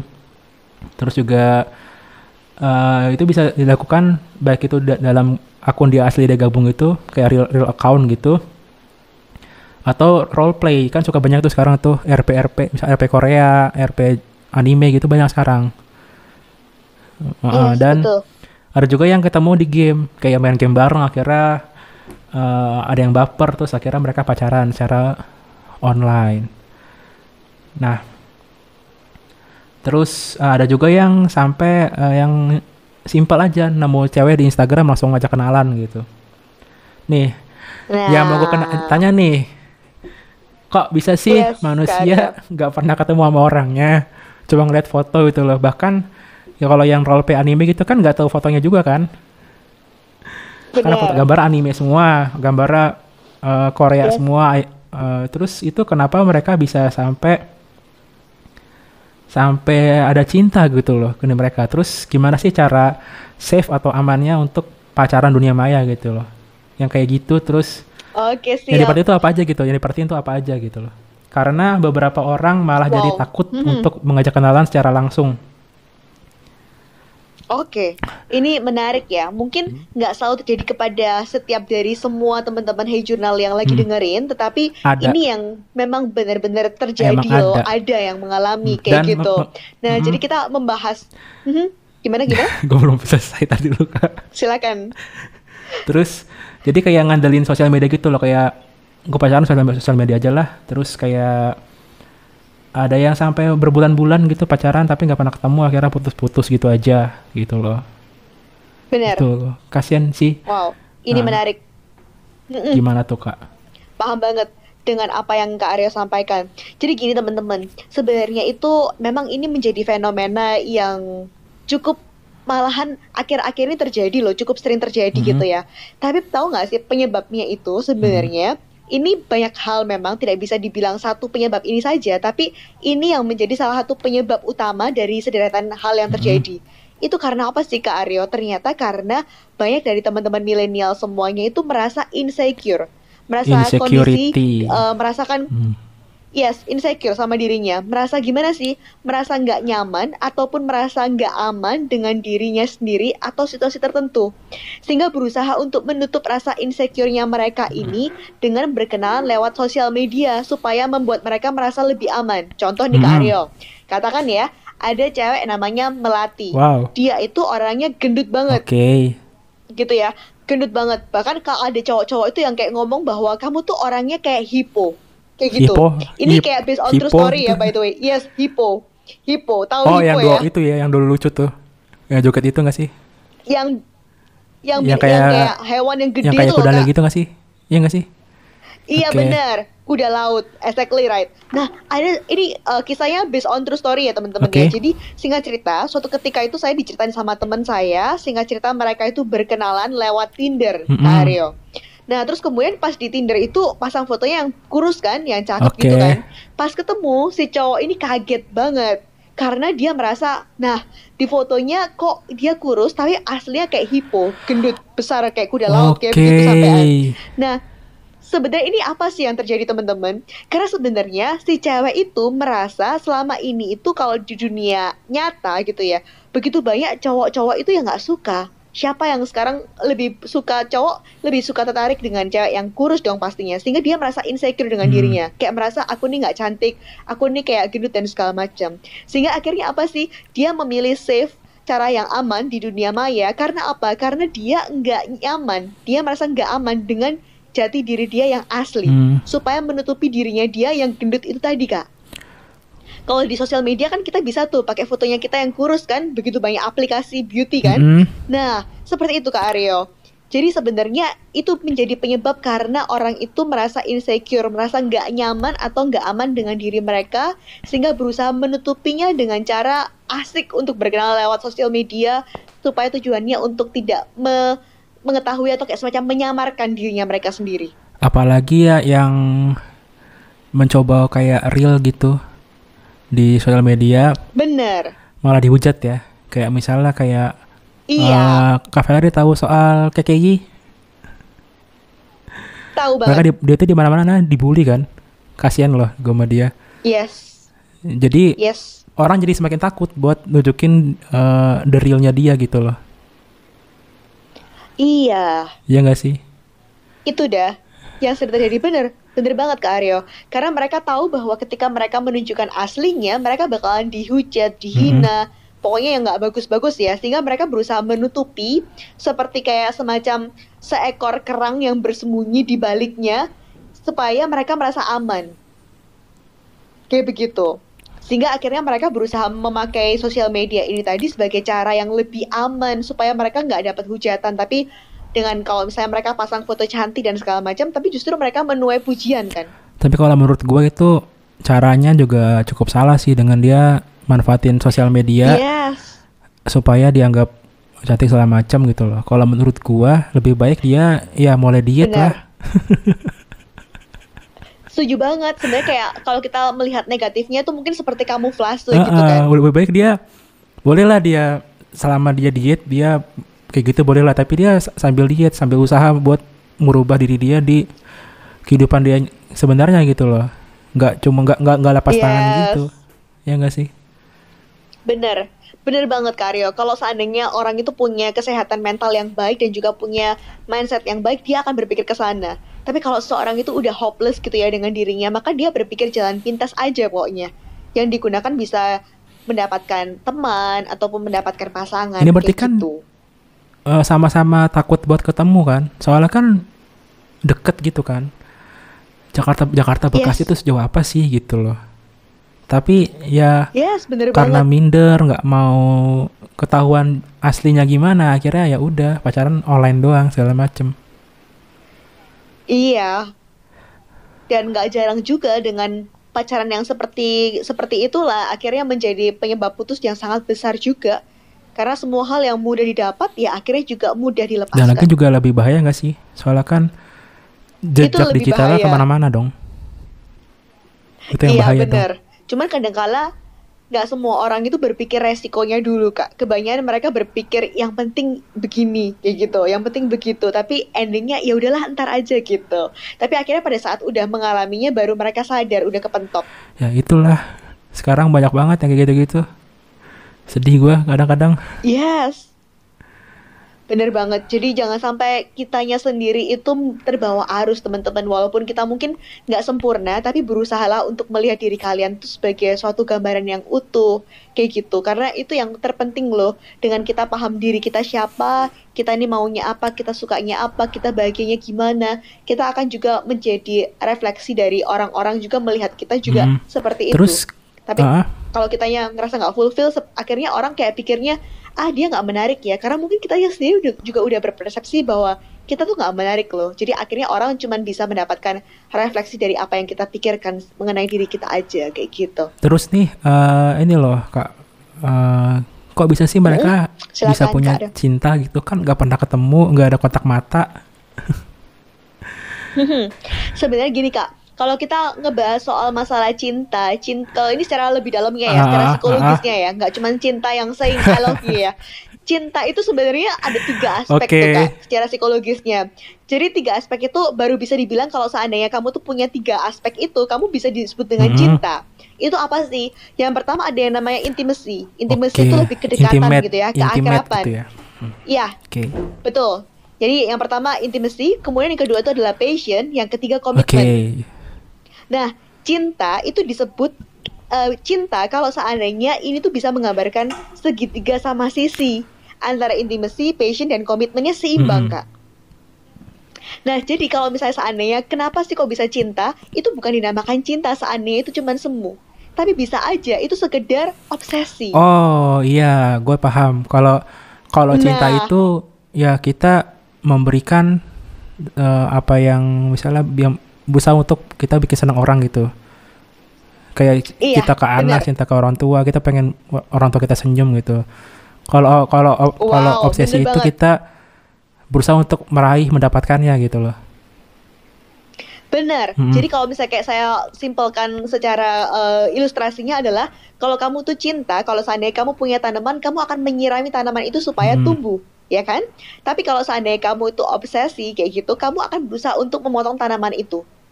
Dan akhirnya tanaman itu mati. Jadi gampangannya cinta itu berpikirnya untuk kita. Bukan hanya Mhm. saya yang happy, tapi kamu juga harus happy. ah. Kita harus Ah, ah. happy. Nah, tapi kalau obsesi, yang penting saya happy. Kalau kamu nggak happy, ya terserah kamu. Nah, jadi kebanyakan orang itu mengatasnamakan cinta untuk banyak hal di dalam kehidupan, termasuk juga kok bisa sih akhirnya kayak eh, virtual aja ketemu tapi kok cinta? Kita harus pahamin dulu makna cinta. Makna cinta sebenarnya harus ada intimacy, passion dan komitmen itu tadi Oke. teman-teman. Sehingga ketika itu nggak ada, jadi yang dipertanyakan adalah itu beneran cinta nggak? Atau ternyata cuma obsesi aja nggak? Barangkali dia cuma memenuhi kebutuhan dirinya dia aja. Contoh Ah. misalnya nih katakan, saya ke- saya kesepian, saya merasa saya kayaknya butuh cowok deh. Makanya saya mau pacaran-pacaran aja supaya untuk menutupi perasaan Itu kesepian obsesi saya. dong. Tapi saya Itu nggak cinta. tuh. Itu obsesi, tapi tapi bisa aja dia ngomong I love you kan kepada cowoknya, Gini loh, walaupun dia nggak punya cinta. contoh kasus lagi nih. Oh boleh boleh kak, ayo Waktu itu kita tuh share. ada yang ke gue curhat gitu. Dia bilang deket sama cewek, terus eh, dia udah ngucapin eh, cinta gitu ke cewek ini. Tapi cewek ceweknya ini nggak nggak nggak nggak jawab jawab. Tapi cewek cowok ini selalu bututin ceweknya ini. Oke. Kayak mereka ini sebelumnya di luar di luar kota, taruhlah misalnya di Kalimantan gitu. BTW Kalimantan lagi Mhm. ada banjir ya. Yes. Ya, semoga cepat hilang ya banjirnya ya. Semoga segera selesai semua Ah. bencana yang terjadi ya. Amin. Amin amin. Kasihan loh. Awal tahun biasanya kan Jakarta yang banjir. Iya betul betul kak. Semoga cepat selesai. amin. Nah, a- a- terus Yes. lagi nih dan Kemudian si cowok ini bilang eh kira-kira gimana ya cara gue dapetin cewek ini gitu loh. Nanya ke gue gitu. oke. Gue jawab ceweknya udah ngasih jawaban belum waktu itu nggak sama sekali gitu gue bilang lu mendingan mundur gitu kalau ceweknya nggak nggak nggak ngasih jawaban Oke. soalnya dia ngasih jawaban udah udah lebih dari setahun gitu nggak ngasih jawaban kan.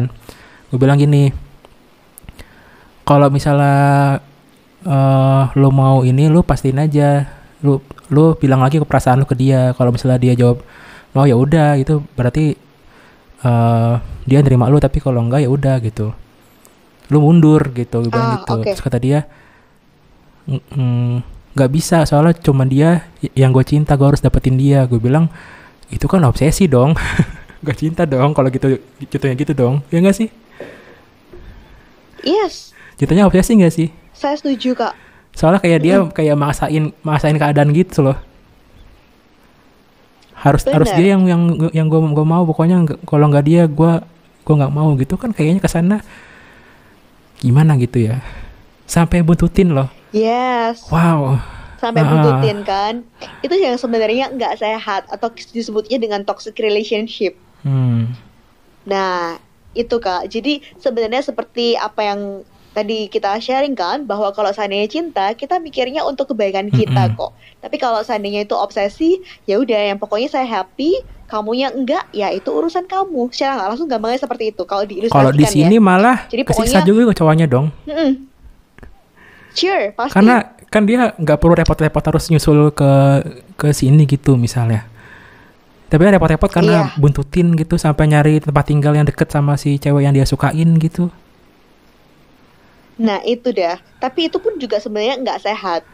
Di dalam arti uh, si cowoknya itu juga barangkali mempunyai uh, masalahnya pribadi yang berkaitan dengan dirinya sendiri mungkin dia nggak disayang sama keluarga ataupun orang-orang terdekat sehingga akhirnya dia berusaha untuk merasa cara yang teraman itu adalah dengan supaya kita nggak ditinggalkan oleh seseorang hmm. itu akhirnya kita berusaha untuk semacam mempunyai uh, borgol untuk pasangan kita supaya nggak ke mana-mana jadi dia sebenarnya nggak aman dengan dirinya dia sendiri hmm. mungkin dia takut ditinggalkan atau dia merasa nggak berharga bahkan ini belum loh, belum ada jadian sama sekali loh nah itu Yes. Wow.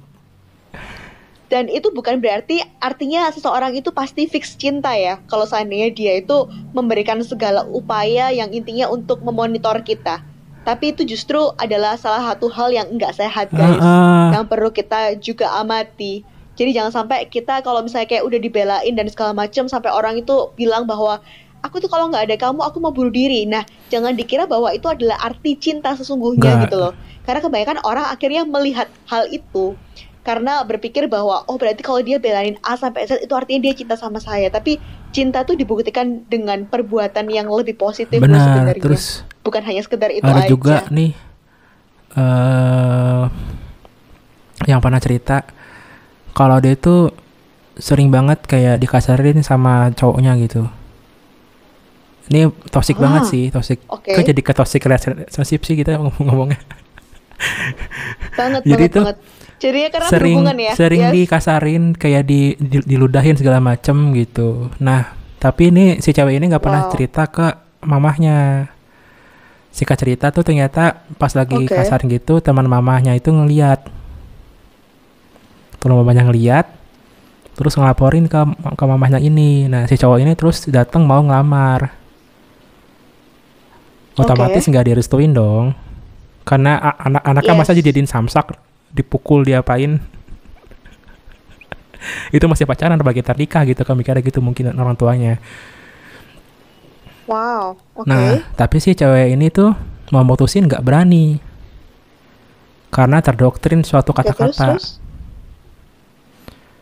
cowoknya okay, bilang gini nih kalau cowoknya dengar gue minta maaf ya gak gue sebut nama kok slow slow Ntar gue diincer siap, lagi. Siap. Ngeri gue.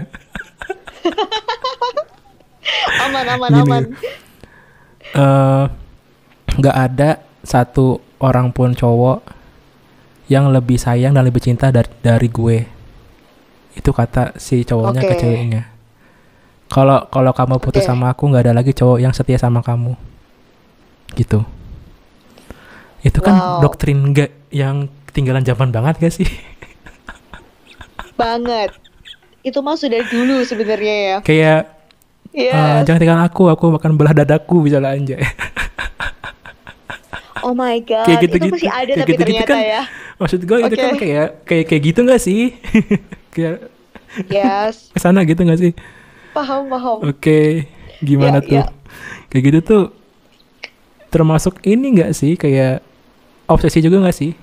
Dari dari dari si si, si cowoknya ke ceweknya gini biar ceweknya ini nggak nggak pergi gitu loh yes exactly yes kak. Seperti itu. Itu sudah masuk dalam area toxic relationship yang di mana udah menjadi suatu hal orang itu cuman berfokus kepada pemenuhan kebutuhannya dia dan mengatasnamakan cinta ataupun seperti secara langsung kayak menyakiti, mengancam ataupun bahkan ngomongin hal-hal yang iya memanipulasi secara nggak langsung kayak begitu. Itu nggak sehat gitu loh sehingga itulah yang dinamakan toksik karena secara nggak langsung itu sudah menjadi racun dan bisa aja menjadi racun buat uh, hubungan mereka satu sama lain kayak gitu. Benar benar banget. Soalnya dengan adanya kayak gitu kan jadi si cowoknya kasihan kasihan gitu nggak sih? Kayak sebenarnya juga ceweknya kenapa harus mikirin juga ya? Mungkin terbawa perasaan kali ya. Bagaimana Iya, bisa aja mungkin karena motifnya kasihan ataupun hal yang lain ya. Kita nggak tahu seperti apa cerita balik uh, uh. itu semuanya. Oke, yes, ini tadi All udah right. dibahas ya tadi tadi soal Lanjut minder, kembali. minder atau insecure. Tadi yeah. sebenarnya gue mau share cerita tapi ternyata ceritanya agak sama kayak cerita si Melati tadi. Jadi nggak usah gue share lah ya. Oke siap. Oke, ini dari inti dari pembahasan kali ini tuh ada beberapa orang yang juga yang sekarang kecanduan sosial media tuh kak. Oke. Ya tadi lagi balik tadi tadi tuh yang dia nyari popularitas sosial media, nyari jodoh di Yes. sosial media, sampai ke tahap mereka takut untuk meet in person di real life. Mhm. Ada loh yang begitu nggak muncul aja ke permukaan siapa-siapanya. Gimana sih caranya biar sosial media dan sehari-hari itu bisa imbang dan ya biar orang yang sosmedan terus tuh nggak buat mereka jadi takut bersosialisasi secara langsung. Oke, Kalau- nice. Jadi cara Kalau di Jepang, untuk mm, bersosial kalau di media Jepang ya. itu ada istilah namanya hikikomori. Itu fenomena remaja atau dewasa muda yang di sana itu yang ngurung diri di kamar. Yang pokoknya nggak mau keluar Oke. segala macam, nggak mau ketemu orang, eh ansosial gitu.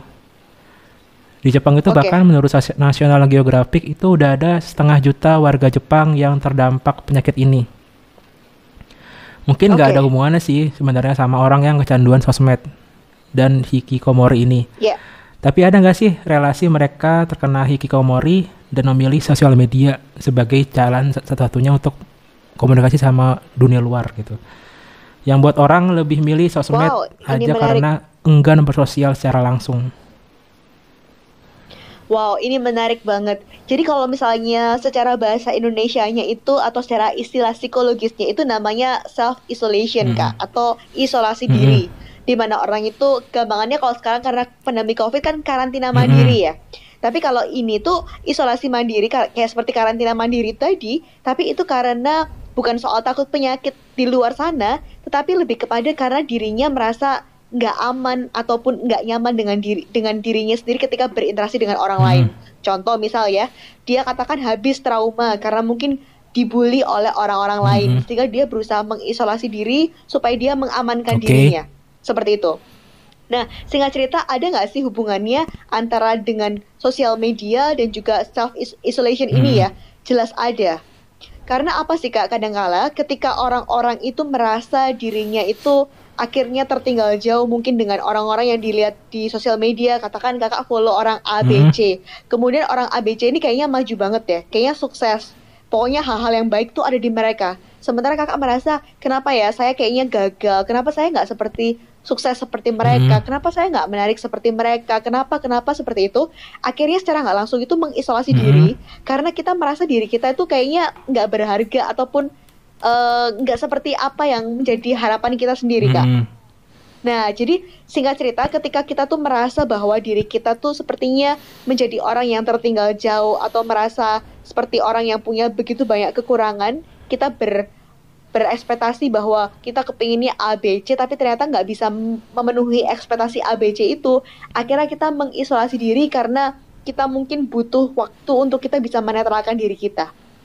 Jadi itu ada hubungannya kak sebenarnya. Sampai takut ketemu orang gitu. sampai sampai takut ketemu orang yes. Karena diri mereka mungkin merasa pertama nggak cukup aman nyaman dengan diri mereka dan mungkin ada pengalaman traumatis yang mereka rasakan seperti tadi Oke. contohnya adalah mereka mungkin dibully dan segala macamnya. Sehingga mereka merasa ketika mereka keluar dari dunia luar takutnya nanti mereka merasa terancam. Seperti perumpamaan atau ilustrasi seekor landak yang akhirnya mengeluarkan duri-duri mereka ketika mereka merasa terancam Nah itu dah. Jadi kadang-kadang manusia juga bisa melakukan hal yang seperti itu loh, secara nggak langsung untuk melindungi dirinya sebenarnya. Nah, kalau gitu gimana nih caranya biar imbang sosial media sama sehari-hari gitu, biar nggak kecanduan gitu? Nice, ini pertanyaan yang baik banget teman-teman. Karena apa sih? Karena kadang-kadang kita bisa secara nggak sadar, ternyata kita lumayan sering loh menghabiskan waktu di sosial media ketimbang di real Bahkan kita kita sendiri. Nggak ada gitu. berita terbaru, kita cuma scroll-scroll doang gitu loh, nggak jelas gitu. Nah, yes, kayak Nggak- gitu. Saya ada yang apa tuh, buka Nah, handphone, scroll, tutup, buka handphone, scroll, tutup gitu. Iya bener Heeh. banget kak. Dan kita kadang-kadang bisa melihat di screen time-nya kita ya sebenarnya. Kita daily average tuh kita bisa pakai handphone kita atau pakai sosial media kita tuh berapa Hmm. lama sih? Nah singkat cerita, supaya berimbang itu kayak gimana sih? Harus bikin schedule teman-teman. Walaupun kita pasti kalau misalnya kayak diomongin bikin schedule males banget sih, kayaknya caranya kayak tradisional Nah. banget gitu ya. Tapi itu cara yang benar sebenarnya. Kita harus ngatur. Karena di saat kita hanya berusaha untuk ya udahlah let it flow aja, aku pengennya begini, aku pengennya begitu, ntar ngalir aja. Kita jadinya nggak jelas, nggak bisa punya aturan untuk hidup kita seperti apa. Karena sebenarnya bukan waktu yang ngatur kita kan, Ngatur tapi waktu. kita yang mengatur waktu itu seperti apa. Hmm. Nah, jadi sebenarnya perlu yang namanya scheduling. Scheduling itu adalah waktu di mana kamu jadwalin. Contoh, saya cuman memberi, eh, saya cuman mau untuk sosmed itu perharinya cuman misalnya katakan cuman dua Hmm. jam. Harus punya batasan atau boundaries gitu. Jadi ketika kamu punya boundaries seperti itu, contoh katakan saya per hari hanya boleh pegang dua jam doang. Nah, akhirnya misalnya seandainya nggak bisa tercapai, katakan ternyata saya pakainya 4 jam gitu ya. Kita secara nggak langsung harus yang sebenarnya melatih diri kita untuk yang namanya punishment. Jadi gini maksudnya, kalau seandainya kita bisa memenuhi, kita oh, berikan reward challenge diri diri sendiri kita. kayak mungkin. Challenge diri kita sendiri, bener, exactly itu Misalnya, challenge. Jadi kalau Kalau seandainya misalnya gue hari ini main sosmed misalnya 4 jam, tapi kalau misalnya lebih dari 4 jam, misalnya gue, tapi ini yang positif ya, misalnya gue misalnya nge-gym gitu, lari Iya, misalnya, boleh. push up Atau enggak misalnya, misalnya- gitu. Nah, Yes, itu bener kak. Seperti itu Hmm. misalnya. Atau enggak, misalnya katakan nih ya, hari ini kita over satu jam misalnya. Berarti besok dikurangi satu jam. bisa jadi. Jadi harus ada semacam timbal seperti Mm-mm. itu kak.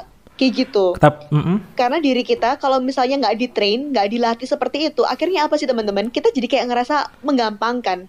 Ya udahlah, gimana lagi? Living in comfort zone aja ya, comfort zone istilahnya. Iya, comfort zone doang dan akhirnya menjadi hal siklus bersang- berkesinambungan. Kalau gitu, dulu, Kak.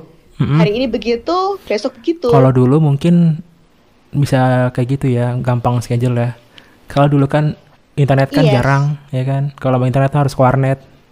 Jadi tuh bener-bener di sehari misalnya cuma bisa main misalnya eh, maksimal 4 jam di warnet gitu. Kalau Iya. sekarang kan Bener kita banget, bener mem- membawa internet di, di tangan kita gitu. Kalau dulu kalau dulu tuh nggak bisa kayak sehari internet nggak bisa pokoknya 4 jam gitu loh. Kayak orang main PS juga.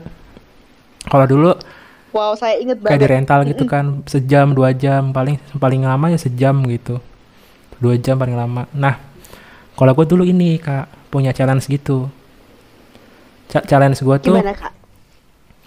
kalau nilai gue hari ini dapat eh, misalnya di atas 80 gue bak gua bakalan Mm-mm. main warnet misalnya 4 jam tapi kalau misalnya nilai gue di bawah itu ya ya gue nggak bakal main gitu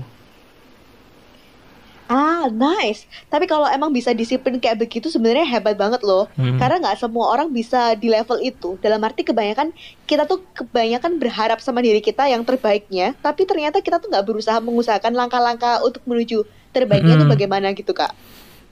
Nah, jadi apa yang kakak lakukan itu adalah cara ampuh untuk bisa mendisiplinkan diri kita. Iya kayak dan gue juga orangnya dulu apa ya kalau misalnya kayak ini gue ceritain di sini boleh nggak ya? Jadi tuh Silakan, boleh. gue orangnya kalau misalnya sosmed gitu itu kalau gue jujur aja gue sosmed cuman pakai beberapa doang gitu nggak sama sosmed gue gue gue cobain gitu sih jadi kalau misalnya gue udah serk sama satu sosmed gue nggak bakal ke sosmed lain gitu loh soalnya menurut gue nggak buang-buang Oke. waktu sosmed isinya orang akun di mana pun itu ya sama aja orang orang-orang juga gitu loh nggak nggak perlu main banyak sosmed lah kalau gue gitu Yes. jadi membatasi sosmed yang kita punya juga penting juga buat schedule juga soalnya kan kita jadi cuman ngurusin satu akun doang ya nggak sih Bener. Saya setuju banget, Kak. Gitu sih Itu sih teman-teman. Jadi pentingnya kita melakukan pembatasan untuk diri kita. Nggak hanya PSBB, tapi kita juga perlu PSBB ini kita dan sosmed kita loh Ah, ah. sebenarnya. Kayak begitu. bener banget nah Yes. jadi kesimpulan nih dari kita omongin ini apa nih Kesimpulannya sebenarnya banyak banget, Kak. Kalau kita mau eh, rincikan ya. Tapi kalau bisa kita mungkin tangkap secara garis besarnya. Bahwa yang pertama itu keberhargaan diri kamu atau diri identitas diri Mm-mm. kamu ya itu yang sebenarnya terpenting kalau kamu sudah merasa berharga kalau kamu merasa kamu tahu siapa diri kamu tujuan kamu kenapa sih diciptakan apa yang menjadi kesenangan kamu apa yang menjadi kekurangan dan Oke. kelebihan kamu itu akan menjadi salah satu hal yang sangat membuat kamu tuh menjadi pribadi yang lebih utuh jadi akhirnya nggak gampang terdampak dengan begitu banyaknya sosial media yang bisa aja mempengaruhi diri kita karena jadinya kita merasa udah lengkap dengan diri kita Oke. tanpa perlu penunjang dari orang lain gitu kak. Bener-bener. bener. Wah, kita udah ngobrol satu jam lebih nih. satu setengah jam ya hampir ya. Wadaw. Yes, satu setengah jam. Wah, terasa Wow. ya waktunya ya. Dan ini bener-bener topik yang sangat dalam. Nggak terasa karena Kak Aryo juga membawakan dengan sangat menyenangkan. Jadi membuat suasana di Hey Journal Podcast malam hari ini terasa begitu natural banget. Apalagi gitu. kan lagi malam minggu nih enak banget nih dengerin sambil sama keluarga, mungkin sambil sharing sama uh, pacarnya, sama cowoknya, ceweknya gitu kan. Dengerin bareng-bareng gitu. Yes, Karena kan tadi banget. ada pelajaran soal Hmm. namanya cinta gitu. Mungkin yang masih pacaran-pacaran online mulai terbuka pikirannya buat lebih cinta diri sendiri. Itulah dia diet. Diet, diet, itu. diet. Setuju banget. Kalau Jangan diet- sampai akhirnya kita hanya melakukan apa yang orang lain suka, tapi kitanya jadi melupakan diri kita tuh bagaimana Kalau misalnya gitu. ngerasa kurang ganteng, rawat diri, cuci muka. Itu dulu mandi pakai sabun, jangan males. Yang Iya, cewek juga. Cowok pun juga sekarang penting skincare ya, Mm-mm. nggak hanya cuma cewek aja, tapi cowok juga Mm-mm. boleh untuk membenahi dirinya sendiri. Jadi sebelum gitu. lu cinta sama orang lain, cinta diri sendiri gitu loh. Dan gue pernah baca di di ini loh apa kayak ada quotes gitu. Mhm. Jangan pernah mencari cinta. Carilah carilah kehidupan Oke. karena kehidupan yang akan mengantarmu ke cinta. Ais, oke mantap. Masuk, ya kan? siap.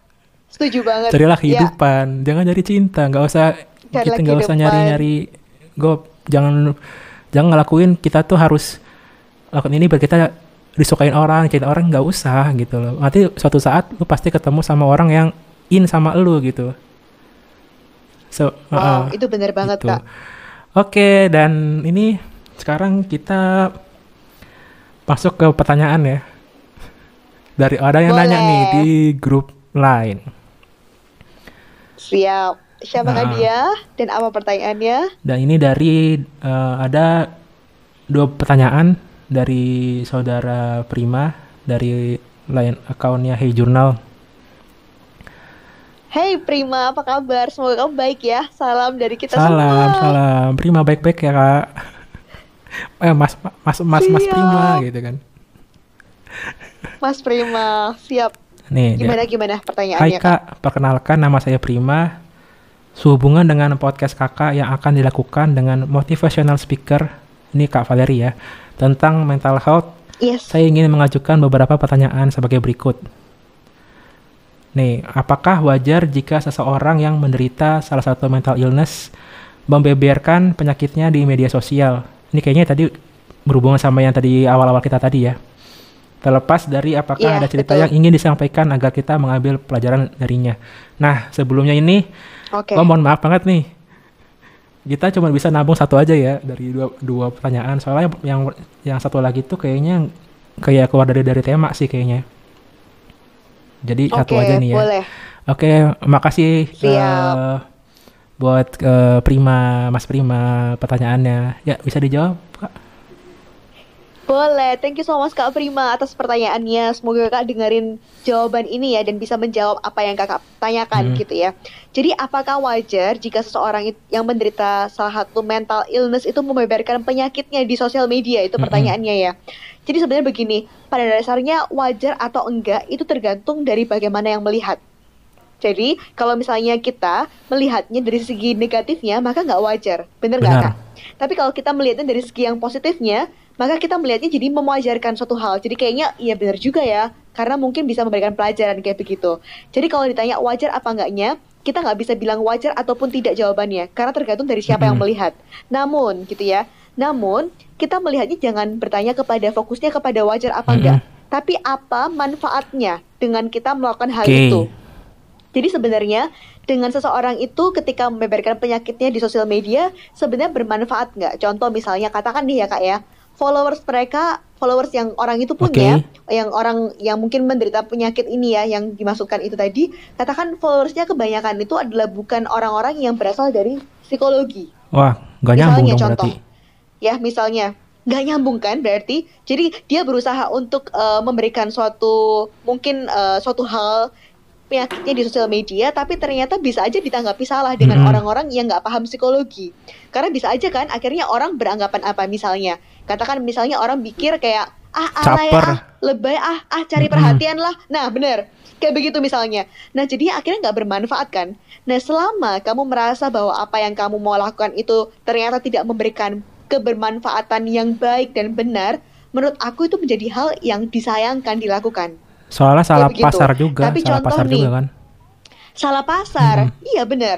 Karena misalnya karena ketika kamu punya followersnya katakan teman-teman yang nggak paham psikologi sehingga pada saat melihat apa yang kamu tuliskan di sosial media malah mereka berpikir dari sudut pandang yang negatif. Malah malah, malah nanti dipikirnya apa sih? Kayak alay Kayak dan segala ibaratnya macam kan? lu mau Nah, mancing ikan, lu Mhm. nangkap eh, masak umpan umpan buat nangkap buaya gitu lo nggak bakal ma- makan ikan. Nah, itu Yes, bener banget kak. Itu yang bener banget. Nah, jadi perumpamaan yang kak Arya sampaikan itu adalah menggambarkan bahwa sebenarnya Hmm. pertanyaannya bukan wajar apa enggaknya, karena kewajaran tergantung dari siapa yang memandang orang-orang. Tapi yang terpenting, yes perspektif dan kita nggak bisa ngejudge ah nggak wajar, nggak bener, itu nggak bisa. Karena tergantung kita melihatnya dari segi negatif atau positifnya Mm-mm. kayak gitu. Singkatnya, tapi yang menurut aku menjadi highlightnya adalah yang terpenting kita mempertanyakan bermanfaat nggak dengan saya posting itu di sosial media. Gitu. Selama kamu merasa perlukah? Heeh. Selama kamu merasa jawabannya nggak perlu atau kamu merasa nggak bermanfaat, malah menambah masalah, buat apa pertanyaannya? Kayak Hmm. begitu. Lebih baik saran saya ceritalah kepada orang yang memang punya expertise di area itu. Karena apa sih? Karena orang yang kamu ceritain akan menentukan akan bagaimana mindset dan keputusan kamu. Oh. Contoh seperti tadi kakak ceritakan ya kak, Oke. ada orang yang mau lompat. Kalau kamu ceritanya sama orang-orang yang nggak pas, bisa aja mereka malah bilang ya udah bunuh diri aja Iya, daripada kamu lompat, stres lompat, kayak begini. lompat tadi Contoh, tuh. nah lompat-lompat kayak tadi kan. Nah, jadi nggak ada manfaatnya gitu loh. Nah, tapi kalau seandainya kamu cerita dengan orang yang lebih tepat, dia pasti akan bisa membantu sudut pandang yang baru untuk kamu melihat. Bukan kamu cuma mikirnya di masalah-masalahnya, tapi kamu bisa berpikir apa ya solusi dari masalah yang aku Oh. punya. Kayak begitu Nih, kira-kira. gue punya terusanan nih. Ini ini dari gue gue pribadi ya, ini Boleh. gak ada hubungan sama tema nih. Bahkan yang kita save itu nggak ada kayak gini.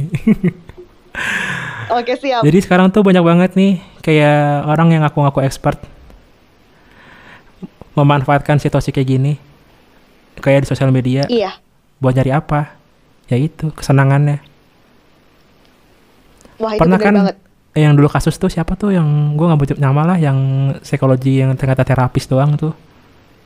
Ah, Iya, iya benar. itu Kita nggak Di- sebut nama ya, yang melakukan praktek malah ada malah pokoknya malah ah, praktek gitu nah lah itu ya. sekarang di grup-grup lain gitu yang temanya psikologi gitu suka kadang-kadang muncul tuh kayak ada orang yang bener-bener kayak eh, bu- butuh sharing gitu terus ada yang dia kayak care gitu segala macem ternyata dia kayak cuman modus gitu sekarang banyak gitu loh Iya. jadi sebenarnya kalau misalnya saran gue sih expert ya benar-benar expert lah nggak usah dari uh, sosmed. Kalau sosmed juga yang bener-bener udah berbadan ini sih kayak hukum gitu sih udah jelas gitu loh arahnya ke mana gitu loh. Udah bener-bener ahlinya. Jangan Yes, jangan sembarangan kayak ada orang ngaku gue sebagai ini nih uh, sa- sarjana ini loh. Bahkan saya kalau selalu gue psikiater itu minimal S3 kan psikologi kan. Nggak bisa sembarangan diagnosis kan Eh, Hmm? kalau kenapa sebenarnya S2 S2, ya? Kak, S2. jadi sebenarnya le- lebih tinggi Iya, psikologi betul. daripada psi- psikiater. Oh, beda Kak. Psikolog sama psikiater tuh bukan soal masalah Oke. tingginya lebih tinggi mana. Karena begini, kalau psikolog itu basicnya mereka sebagai sarjana psikologi atau ambil S1-nya psikologi. Tapi kalau psikiater itu S1-nya kedokteran, Kak. Oke. Baru S2-nya psikolog. Kayak gitu. Siap siap. Jadi berbeda Oh, basicnya. berarti emang beda basicnya ya dari awal ya. Oke. Beda basicnya jadi bukan soal mana lebih tinggi karena memang mereka punya segmentasi yang berbeda kalau Hmm. psikiater lebih ke arah menangani yang berhubungan dengan obat Ah. jadi memberikan contoh katakan ada orang yang terkena depresi dan segala macamnya nanti diberikan Ah. obat oleh uh, psikiater Tindakan tapi kalau tindakanan lah psikolog ya. lebih khusus lebih khusus konsultasi dan juga melayani untuk terapi Oke. Nah itu banyak banget yes sekarang yang begitu kayak itu kayak Badan seolah-olah dia tuh kayak psikologi kayak ngerti kondisi mental seseorang itu di sosial media gitu. Jadi orang itu termasuk self diagnose gitu nggak sih? Ya nggak sih? Kalau kayak de- dengerin dengerin Iya. orang lain yang bukan expert gitu loh. Betul. Nanti akhirnya takutnya self diagnose dan akhirnya menjadi hal yang nggak sesuai dengan faktanya. Jadi katakan kita sakitnya sakit flu, tapi kayak akhirnya kita mendiagnosa ini kayaknya COVID deh, kayaknya COVID dah Terus, begitu. mm-mm. Lebih parah dari ada aslinya. juga yang ini dokter beneran nih. Kan kadang suka kayak di ala dokter gitu ada yang nanya kan. Dok saya sakit ini dok. Eh, Iya, ini betul, gimana betul. dok terus ada yang ini ada yang baca tapi ini bukan yang bukan yang ini bukan yang nanya gitu loh. Wah ini Hmm. ciri-cirinya sama orang yang dibilang ini kayaknya sama nih kayak yang gue alamin sekarang. Jangan-jangan gue sakit itu juga gitu loh. Nah, itu dah. Jadi pentingnya kita kepada orang yang terpercaya teman-teman daripada kita terprosok pada lubang yang lebih dalam lagi kayak Iya gitu. bahkan jo- itu tuh pertanyaan untuk si dokter ini tuh ngejawab orang yang nanya ini bukan mewakili semua problem yang sama kayak orang ini gitu loh. Yes. Bener banget, Kak. Gitu. Soalnya gue juga pernah gitu. Gue pernah kayak baca baca apa eh ciri-ciri sakit ini gitu kan. Terus sakitnya Yes. parah gitu tuh. Terus gue kayak eh, ngerasa gue udah umur sebentar lagi gitu lah segala macam, udah minder segala macam gitu. Ternyata pas sampai ke Hmm. dokter ya sakit ringan doang gitu loh. Nggak nggak nggak separah nggak separah yang Itu dah. dipikirin yang ngeliat-ngeliat di internet gitu loh. Iya, itu penting banget loh teman-teman bahwa kita mungkin akan eh, mengeluarkan beberapa uang tertentu ya kalau kita mau ke expert, tapi lebih pasti loh ketimbang kita akhirnya terperosok kepada orang-orang yang ternyata nggak memberikan kejelasan gitu, Ya, mm, malah berbahaya. ya mendingan kita sekarang kalau yang punya kartu BPJS juga bisa sih buat konsultasi ger- Iya. meskipun dibatasi nah berapa jam doang yang penting kan eh, masih bisa sebenarnya loh Iya betul betul ada fasilitas kalau seandainya kita bisa pakai BPJS Mm-mm. barangkali ya untuk area itu juga. Nggak perlu betul. keluar sebenarnya juga bayar, bayar per bulan kan ya sayang aja udah tiap hari bayar per bulan entah berapa gitu ya nggak dipakai gitu loh malah milih jalan buat ini Yes. tapi ada juga stigma kan yang kalau misalnya ke psikolog itu dianggap gila gitu Itu itu yang sebenarnya disayangin Uh-uh. banget karena sebenarnya bukan hanya orang gila saja yang ke psikolog tapi orang-orang yang kepingin dirinya sehat secara mental. Kalau misalnya kayak kita gampangannya kita ke dokter apakah harus kita tuh bener-bener sakit yang kayaknya sakit stroke Enggak. jantung enggak kan? Tapi kadang-kadang kita udah mengalami gejala-gejala yang mungkin nggak enak badan, kita bisa aja ke dokter. Nah sebenarnya perumpamaannya seperti itu teman-teman. Jadi kita sendiri jangan sampai berpikir bahwa dengan kita kayak berkonsultasi kepada psikolog itu artinya kita gila atau artinya kita punya masalah yang benar-benar gede banget. Enggak loh, tapi justru karena kita sadar kita tuh punya kesehatan mental yang berharga, that's why kita perlu untuk segera konsultasi supaya segera terobati. dan juga bisa Kayak untuk begitu. self improvement kayak kita Iya bener. eh, nanya ke misalnya kayak datang aja sharing nih saya punya eh, mimpi kayak gini saya punya sini gimana gimana sih caranya biar gini gini misalnya gitu biar kayak sebenarnya kayak yang gue lakuin sama kak Valerie sekarang sih gue nanya soal gimana cara biar imbang sosial media sama sama kita sehari-hari itu kan yes, yes. pembicaraan Bener yang biasanya banget, Kak. diomongin sama so seorang yang datang ke psikologi kan sebenarnya. Heeh, Iya. Jadi nggak nggak selamanya kayak gue patah hati nih, gue sedih nih, gue depresi nih, pengen bunuh diri nih, nggak nggak semuanya kayak gitu. Yang datang, yang datang ke psikolog tuh gitu. loh. Setuju banget. Heeh. Saya aja nanya nanya Iya. soal pri- pribadi, misalnya kayak gue baru baru habis keluar dari kerjaan nih, gitu. Perasaan gue kacau segala macam, bisa bisa sharing kayak gitu gitu loh. Bisa, Mm-mm, jadi- bisa. Dan juga kalau misalnya kepingin ada self improvement biasanya juga bisa ke namanya yang mentor kak Mm-mm. namanya. Jadi supaya untuk membantu kita untuk eh, memberikan step by stepnya seperti apa Ah, kayak gitu. gitu. Oke, udah panjang banget kita ngobrol. Tapi sangat menarik ya. Semoga bisa benar-benar bisa memberikan pencerahan dan inspirasi buat Amin. semuanya yang sudah dengerin Kita ya. udah di Amin. penghujung dari podcast kali ini. Yang yang jelek-jeleknya nggak usah diambil ya. Tadi kan ada filter tuh, dipakai filternya Oke. ya. Siap. Jangan terpengaruh hal-hal yang jeleknya gitu loh. Yang bagus-bagusnya diambil aja, dibuat pelajaran buat kita bersama gitu. Kalau sebaik-baiknya sosial media itu masih lebih bagus lagi kehidupan kita sehari-hari. Dan harus imbang semuanya. Jangan berlebihan lah. Pembatasan perlu gitu. Terus cintai diri sendiri. Jangan sampai kita kehilangan arah. Jangan ikut-ikutan sama uh, orang lain gitu. Jangan lebih famous. Setuju Mm-mm. banget. Buat yang mau Yes. terkenal dari sosmed, ya sabar kuncinya, konsisten. Itu aja sih. Oke, nih kalau mau nge-reach Kak Valeri bisa ke mana Kak? Bisa banget guys. Jadi kalau misalnya teman-teman ada yang punya berbagai macam cerita dan kalian bingung mau cerita ke siapa, semoga kehadiran aku di sini bisa menjadi sahabat untuk kalian. Kalian bisa reach me out di Valeriana Rosmaya di Instagram ya. V A L E R I A N A Rosmaya. Itu sambung Oke. semua. Jadi anytime kalian merasa pengen butuh temen ngobrol dan juga lebih ke arah bertanya soal mental health, di sini sup- harapannya supaya aku bisa menjadi cici bagi kalian yang membantu Wow. adik-adiknya kayak gitu. Wow, wow, Yes, wow, wow, seperti wow, itulah, wow, Kak wow, Aryo. wow. Keren, keren, keren. Dan ini rahasianya so terjamin much. ya? Nggak terjamin. Terjamin karena bakalan dibongkar-bongkar cerita lu Yes, gitu. karena kita- Aman aja, aman. tidak bakal karena kita memang kalau secara background psychology itu adalah suatu Etik. semacam kode Hmm, etik iya, yang kita etik. pegang. Iya, bener. Kode etik. Oke, Betul. Chef. Eh, senang banget bisa ngomong sama Kak Valeri nih. Cukup panjang nih. Sementara gue kenal belum ke- ketemu langsung sih sama Kak Valeri nih. Mungkin kita ntar bisa ketemu ngobrol-ngobrol setelah eh, vaksin ini. Here Kak, nanti Terus ya. eh, Amin. kenal udah. Sementara gue gak butuh kenal tapi gue tahu Valeri itu dari tahun lalu. Wow, thank you so much Kak Aryo dan juga Ah, ah. Hey Journal yang udah mengundang di sini. Jadi semoga Hey Journal dan juga Kak Aryo tetap bisa melebarkan sayap di tengah pandemi, tapi bukan berarti kreativitas semakin Mm-mm. berkurang, tapi makin berkembang gitu ya. Jadi kasih inspirasi untuk milenial Dan semua di luar semoga sana. Energi Yeay. positif yang kita kasih ini nyebar semua gitu ke seluruh dunia gitu lah. Amin kepada semua yang dengar dan bahkan akan share podcast Ya. ini ya Kak ya.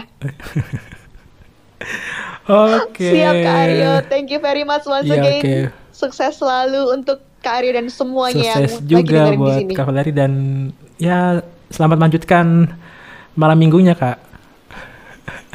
Amin, terima kasih siap. Oke. Happy weekend for us. Oke, demikian dulu podcast dari Hey Jurnal kali ini dan ya eh, jangan lupa untuk bahagia.